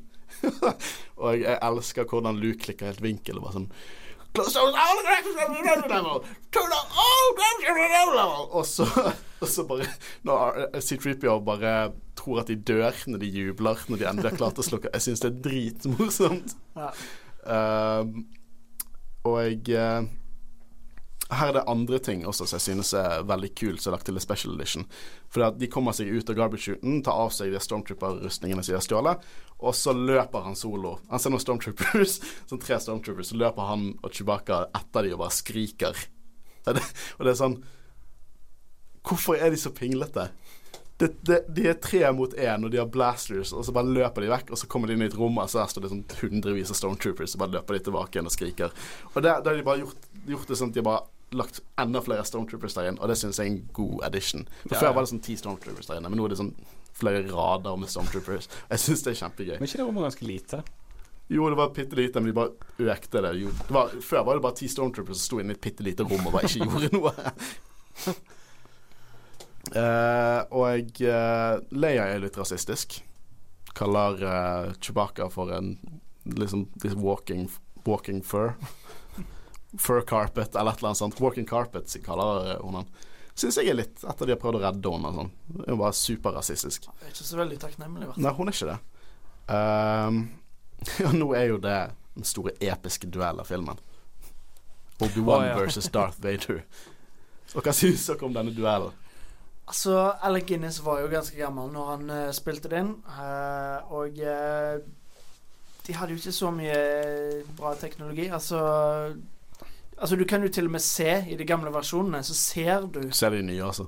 Uh, ja, den ledningen. Ja, ja. Uh, så det er jo ganske vanskelig å være veldig akrobatisk og sånn. Men når du liksom ser prequelsene og ser hva de gjorde da, eh, så er det litt sånn antiklimatisk. Tror du de to gamle mennene Husker du når vi sto på en sånn flamme-lavaplanet og bare tok saltoer? De og pirker lightsaverne borti hverandre.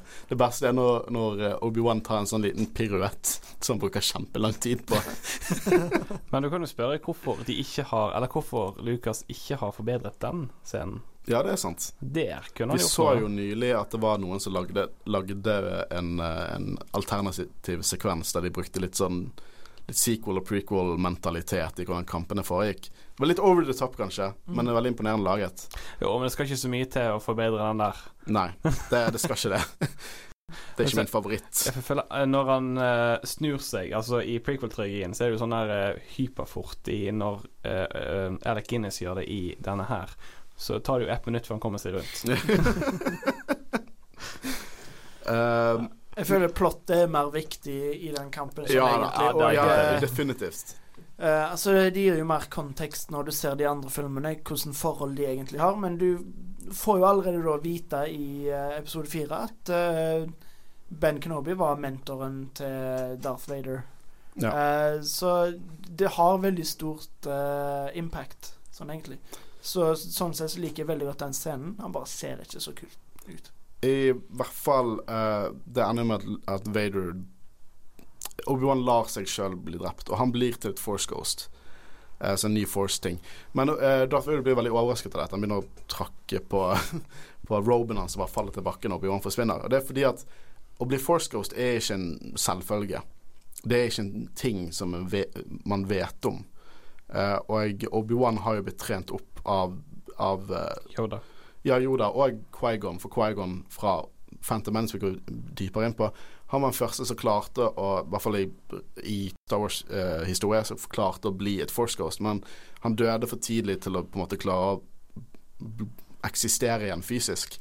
Uh, men han lærte opp Yoda, og Yoda har lært opp uh, Obi-Wan. Uh, og det er derfor Vader blir overrasket for hva som skjer. Han drepte nettopp en person, og så bare forsvant han. Uh, og jeg, uh, nå er jo det Luke og de som, uh, reiser, som unnslipper, og Luke er jo veldig lei seg. Mm. Fordi at denne mannen han har kjent i to døgn, er død. Og uh, Leia Har jo rukket å bli ganske godt kjent med. Ja, det var 48 timer, liksom. Og Leia, hun som har mistet hele planeten sin, alle familiene sine, hele, hele slektstreet sitt. Uh, hun legger teppet over stakkars Luke og trøster Luke. Står fast, hun. Å, jeg takler ikke Luke i denne filmen. Han sitter også sånn irriterende og driver og leker med det holochess-bordet. Litt sånn pirker på det. Han virker mer litt sånn åh enn faktisk lei seg. Uh, men de er ikke ute av det.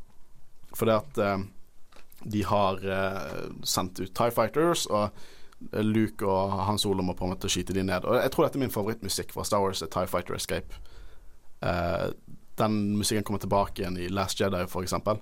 Jeg bare syns det er dritkult. Jeg fikk frysninger når jeg hører den musikken. Jeg digger det. Um, og jeg ja. Jeg har alltid lurt litt på det med de her to kanonene på Millennium Falcon. Jeg skjønner ikke hvordan det fungerer sånn gravity-messig. For det at de går opp og ned en stige. Det er en stige som på en måte eh, Han Solo går opp, og Luke går ned. Og så plutselig så sitter de sånn i en helt annen stilling enn de gjorde når de gikk ned. Så det, det gir ikke mening, for egentlig burde De sitter helt feil. Så er det en annen gravity der nede enn det er i skipet. For jeg skjønner ikke jeg skjønner ikke liksom arkitekturen. Jeg skjønner ikke hvordan de kan sitte sånn som de sitter. Jeg har alltid lurt på det, for det gir ingen mening. I headcanon min sier at de bare har egen gravity-greier nede i de kapslene de sitter. i. Jeg skjønner det ikke. Det er jo godt mulig, det. At de bare kan snurre rundt og gjøre hva de vil. Ja. Men det ser kult ut. da Det ser veldig kult det ut. Kan du ikke si ja, det kan ikke jeg si noe på. Men i hvert fall det er jo her vi får vite revealet at Tarkin og Vader har tatt en, en tracker på Millennium Falcon. Og det som er litt merkelig, er jo det at Leia sier dette var for enkelt, for de slapp unna. Så de, de må tracke de. Hvorfor i helvete drar de rett til basen, da? Hun virker bare lat. For å forte seg ifra seg planene og gå rett til angrep. ja, men det er jo det som på en måte folk har spekulert da, er jo det at eh, de klarer ikke å tracke Death Star, så de må bruke den sjansen til å få den etter seg og bare finne ut eh, Tolke de planene og så ødelegge stasjonen i ett. Men hun skal være jævlig glad for at det gikk fint. Ellers så hadde det bare vært hennes feil at alt gikk til helvete. Uh, men i hvert fall nå er jo vi nede på Hvis ikke dere har mer å si på dette, da. Kan jeg track i hyperspace? Ah, vent litt. The Last Jedi sa jo det. De sa det også i Rogue One. Gjorde de? Yes. Oh, oh jeg kommer til å vinne de diskusjonene vi hadde i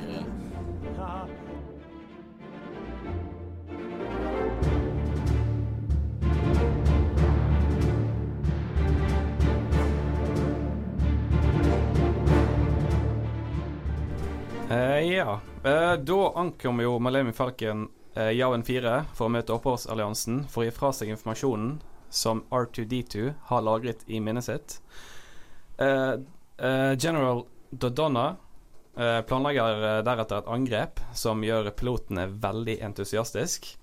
Eh, Luke er jo en av de, og entusiasmen hjelper ikke veldig på når han finner ut at Han reiser av gårde. Opprørsalliansen begynner deretter angrepet sitt på dødsstjernen, der de begynner å nærme seg med stormskritt planeten hvor basen til alliansen er. Uh, I sin X-Wing flyr de rett opp i kamp for å treffe et sårbart punkt som har blitt funnet i planene. Det er trench run, som er et punkt. Hvis de skyter inn skudd der, så vil det skape en reaksjon. Uh, under dette angrepet ble de møtt av Darth Vader i sin litt mer oppgraderte versjon av en Tie Fighter med to av hans undersåtter. Men å treffe dette punktet viste seg å være vanskeligere enn antatt. Uh, Idet Luke gjør seg klar i sin runde, hører vi Obi-Wan i bakgrunnen Use the force, Luke. Let go. Idet Vader gjør seg klar til å skyte, blir Vader og hans undersåtter truffet av Han, som kommer tilbake for å redde dagen. Vader blir slengt av gårde ut i space, og Luke, som blir guidet av Obi-Wan av kraften, fyrer av to raketter som treffer det sårbare punktet, som gjør at hele romstasjonen eksploderer.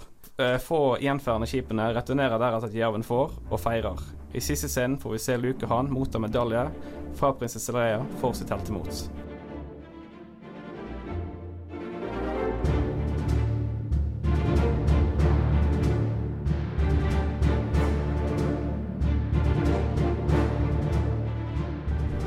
Er jo det Nå er jo det egentlig at de lander på Javin 4. Og jeg har alltid syntes at Javin 4-introscene er litt sånn Det er minst tidløse, egentlig. Jeg syns det ser litt sånn kjedelig ut, og det er ingen musikk. Du bare hører ekkoet fra at folk som holder på. jeg føler Det er jo ikke en lang scene, men jeg føler filmen faller litt bak der i pacing. Jeg synes, uh, uh, A New Hope er, er liksom jeg tror, jeg tror, det er den original Jeg elsker New Hope, men det er ikke min favoritt av uh, originaltrilogien. Og det er fordi at jeg syns pacingen er litt sånn opp og ned. Veldig treg begynnelse, veldig kjapp uh, midtpunkt, og så blir det litt tregt i begynnelsen av tredje akt også, som er her. Jeg vet ikke hva dere synes om det. Jeg er egentlig helt enig. Uh, jeg liker han veldig godt, men jeg syns òg han holder seg ikke like bra. Nei. Og Altså, det sier litt om George Lucas òg. Han er veldig flink til å lage en verden, og så, som regissør så er han ikke Han fikk jo mye hjelp av uh, det regissøren de kalte det The Brat Pack uh, back mm. in the day. De begynte med liksom kunstfilmer. Så uh, Steven Spielberg og, og mange av de, deres liksom buddier var jo med å på en måte sette sammen dette til noe mer sebart enn ja. det Josh Lucas. Jeg tror Josh Lucas er en veldig flink storyteller, men ikke best regissør. Ja, og eh, altså, en av historiene bak eh, altså, filmen er jo at eh, den daværende kona til Josh Lucas, det var jo hun som redigerte eh, A New Hope, og hun vant jo faktisk en Oscar for beste redigering. Mm. Og eh, visstnok så gjorde hun ganske mye for å få han til å bli bedre, ja. så jeg tror nok at eh, Altså Hvis George Lucas hadde redigert den sjøl, så kan det hende at uh, Star Wars ikke hadde vært sånn som det var i dag. Skal være glad for det, da. Mm. Men i hvert fall nå begynner vi på, på tredje akt. Uh, og det er jo de ankommer Jøven 4. Uh, de får General Dodonna. låser opp disse planene og finner ut at det er en, en liten sånn ex exhaustion port på toppen av, av Death Star. Som hvis du skyter den to meter brei, hvis du skyter den, så kan du skyte i reaktoren og sprenge hele planeten.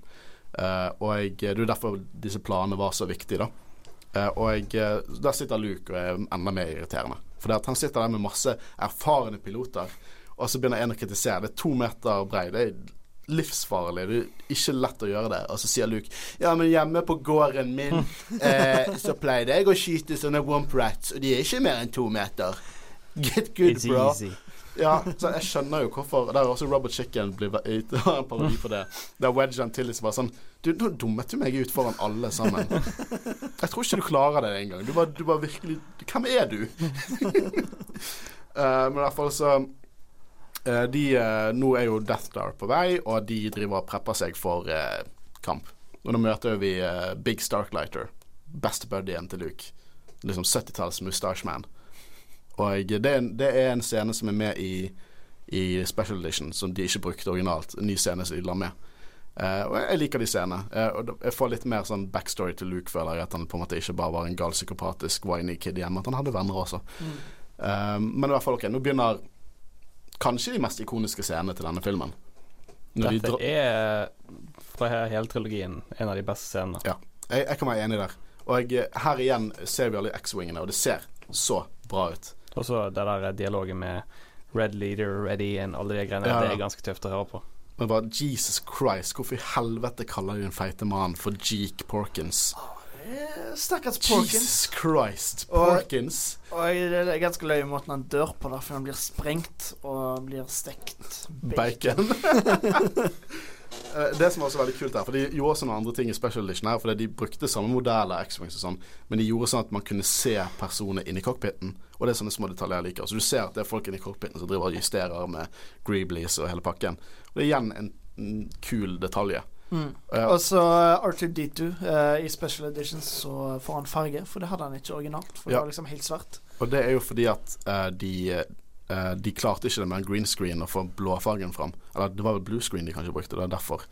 Men de at uh, den Red Squadron, som er på en måte Luke og Rebels sine hoved, de X-wingene er jo del av de.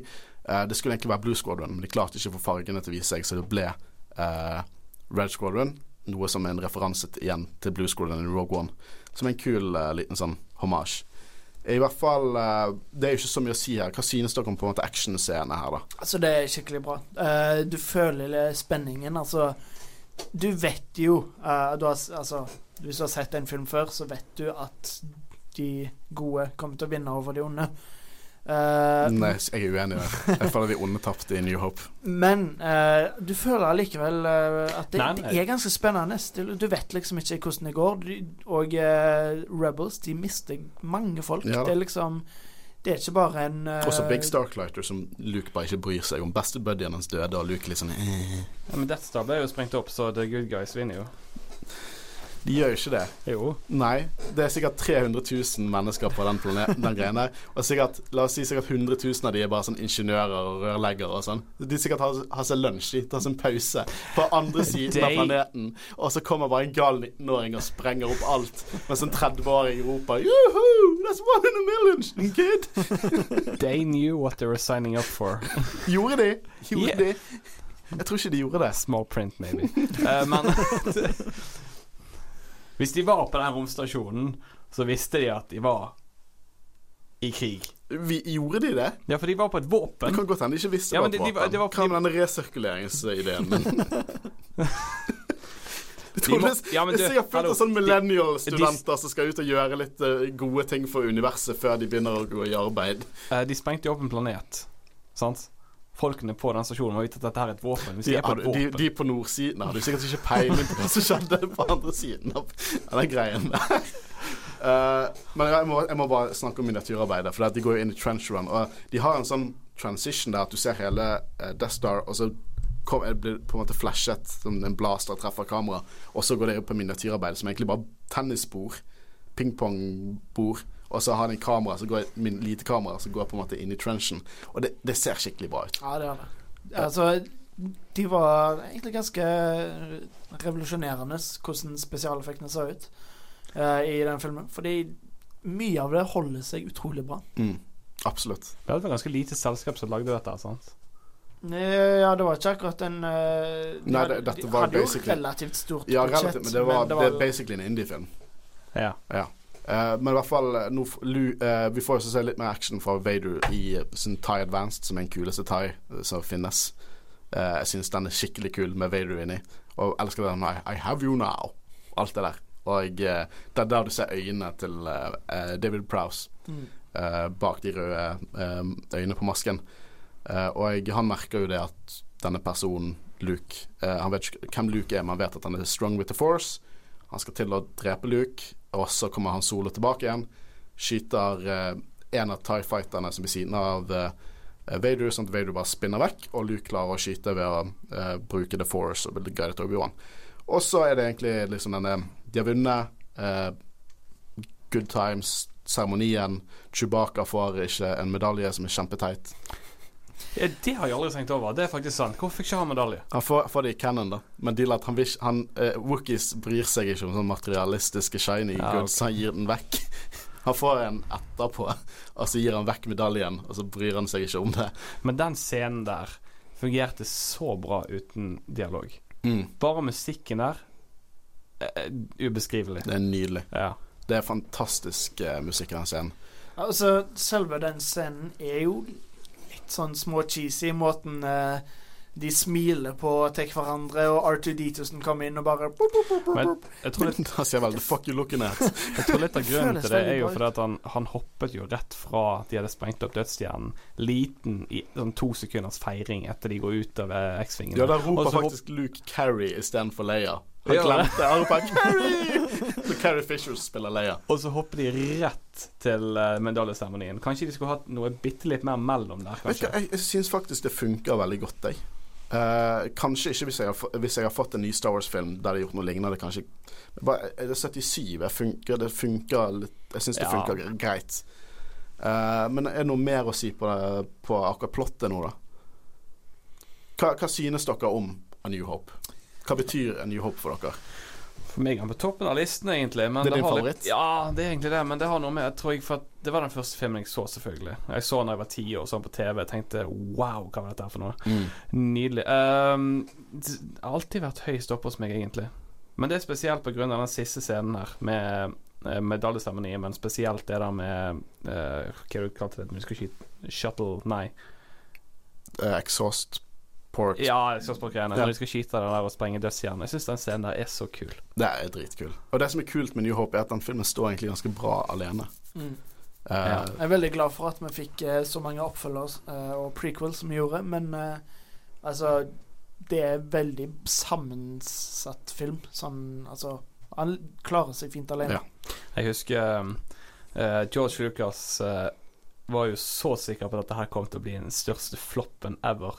Så han reiste jo til Hawaii med Steven Spielberg. Og det var jo der de kom opp med plottet til Raiders of the Lost Ark. han hadde et par gull, gullegg, han.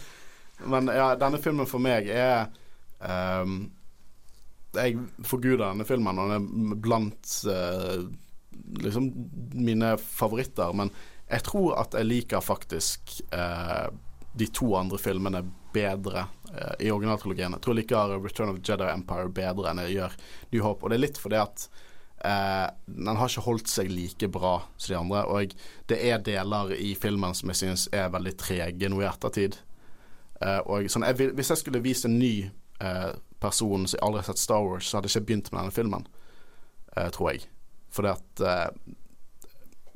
nostalgi har mye å si på hva jeg synes om den filmen. Og jeg tror at for folk som ikke har den nostalgien, så er det vanskelig å sette seg inn i og se denne filmen. Men igjen, det er en film som Det er kanskje en viktig, det er den viktigste Star Wars-filmen. Det er filmen som startet alt. Mm. Det er en av de viktigste filmene i sjangeren.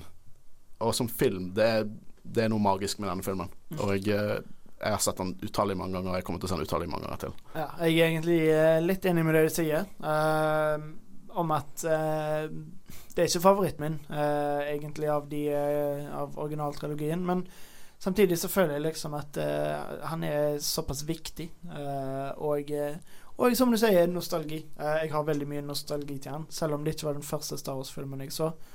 Så er det liksom Jeg tror det er den jeg har sett flest ganger. Så det var jo sånn at når jeg forberedte meg til, til, denne episoden her, og liksom skulle skrive ned notater, så tok jeg det på pause og skrev det som kom videre, fordi jeg hadde det liksom Jeg hadde det i hodet og ville ikke eh, glemme det ut, liksom. Så jeg, jeg, det er en film jeg kan omtrent utenat. Ja, jeg sitter og quoter det med filmen med mens jeg ser filmen. Jeg syns det er kjempegøy. Men for meg er han jo på toppen. Men hvis dere skulle rangert den fra én uh, til ni Ni? Ja. Hva plass ville dere hatt den på? Uh, for meg hadde det vært Empire, Rogue One, Last Jedi, uh, Force Awakens, uh, Return of the Jedi, New Hope. Men jeg tror vi skal ha en egen sekvens, kanskje, så vi ikke ramser opp alt her. Men, ja, nei, jeg, jeg, tenkte mer på hvor ville dere plassert A New Hope? Er det nummer tre på listen, eller? Å oh, ja, av originalen? originalen? Da er det nummer tre for meg. Nummer tre for deg. Jeg tror jeg foretrekker A New Hope over Return of the Jedi. Mm. Men det er veldig mye Return jeg også liker, så det er vanskelig, egentlig. Jeg, vet bare at Empire er øverst på lista. ja, apropos det. Neste uke så er det Empire vi skal gå gjennom. Episode fem, The Empire Strikes Back. Uh, og det gleder jeg meg veldig til. Det er min favoritt. Det er kanskje min favorittfilm av alt. Uh, av alle filmer. Uh, så vi kommer til å komme tilbake igjen med Empire Strikes Back. Og eh, takk for oss. Vi var Jedi-rådet. Mitt navn er Håkon Øren. Mitt navn er Håvard Og jeg er Kristian Aspen. May the force be with you. See ya.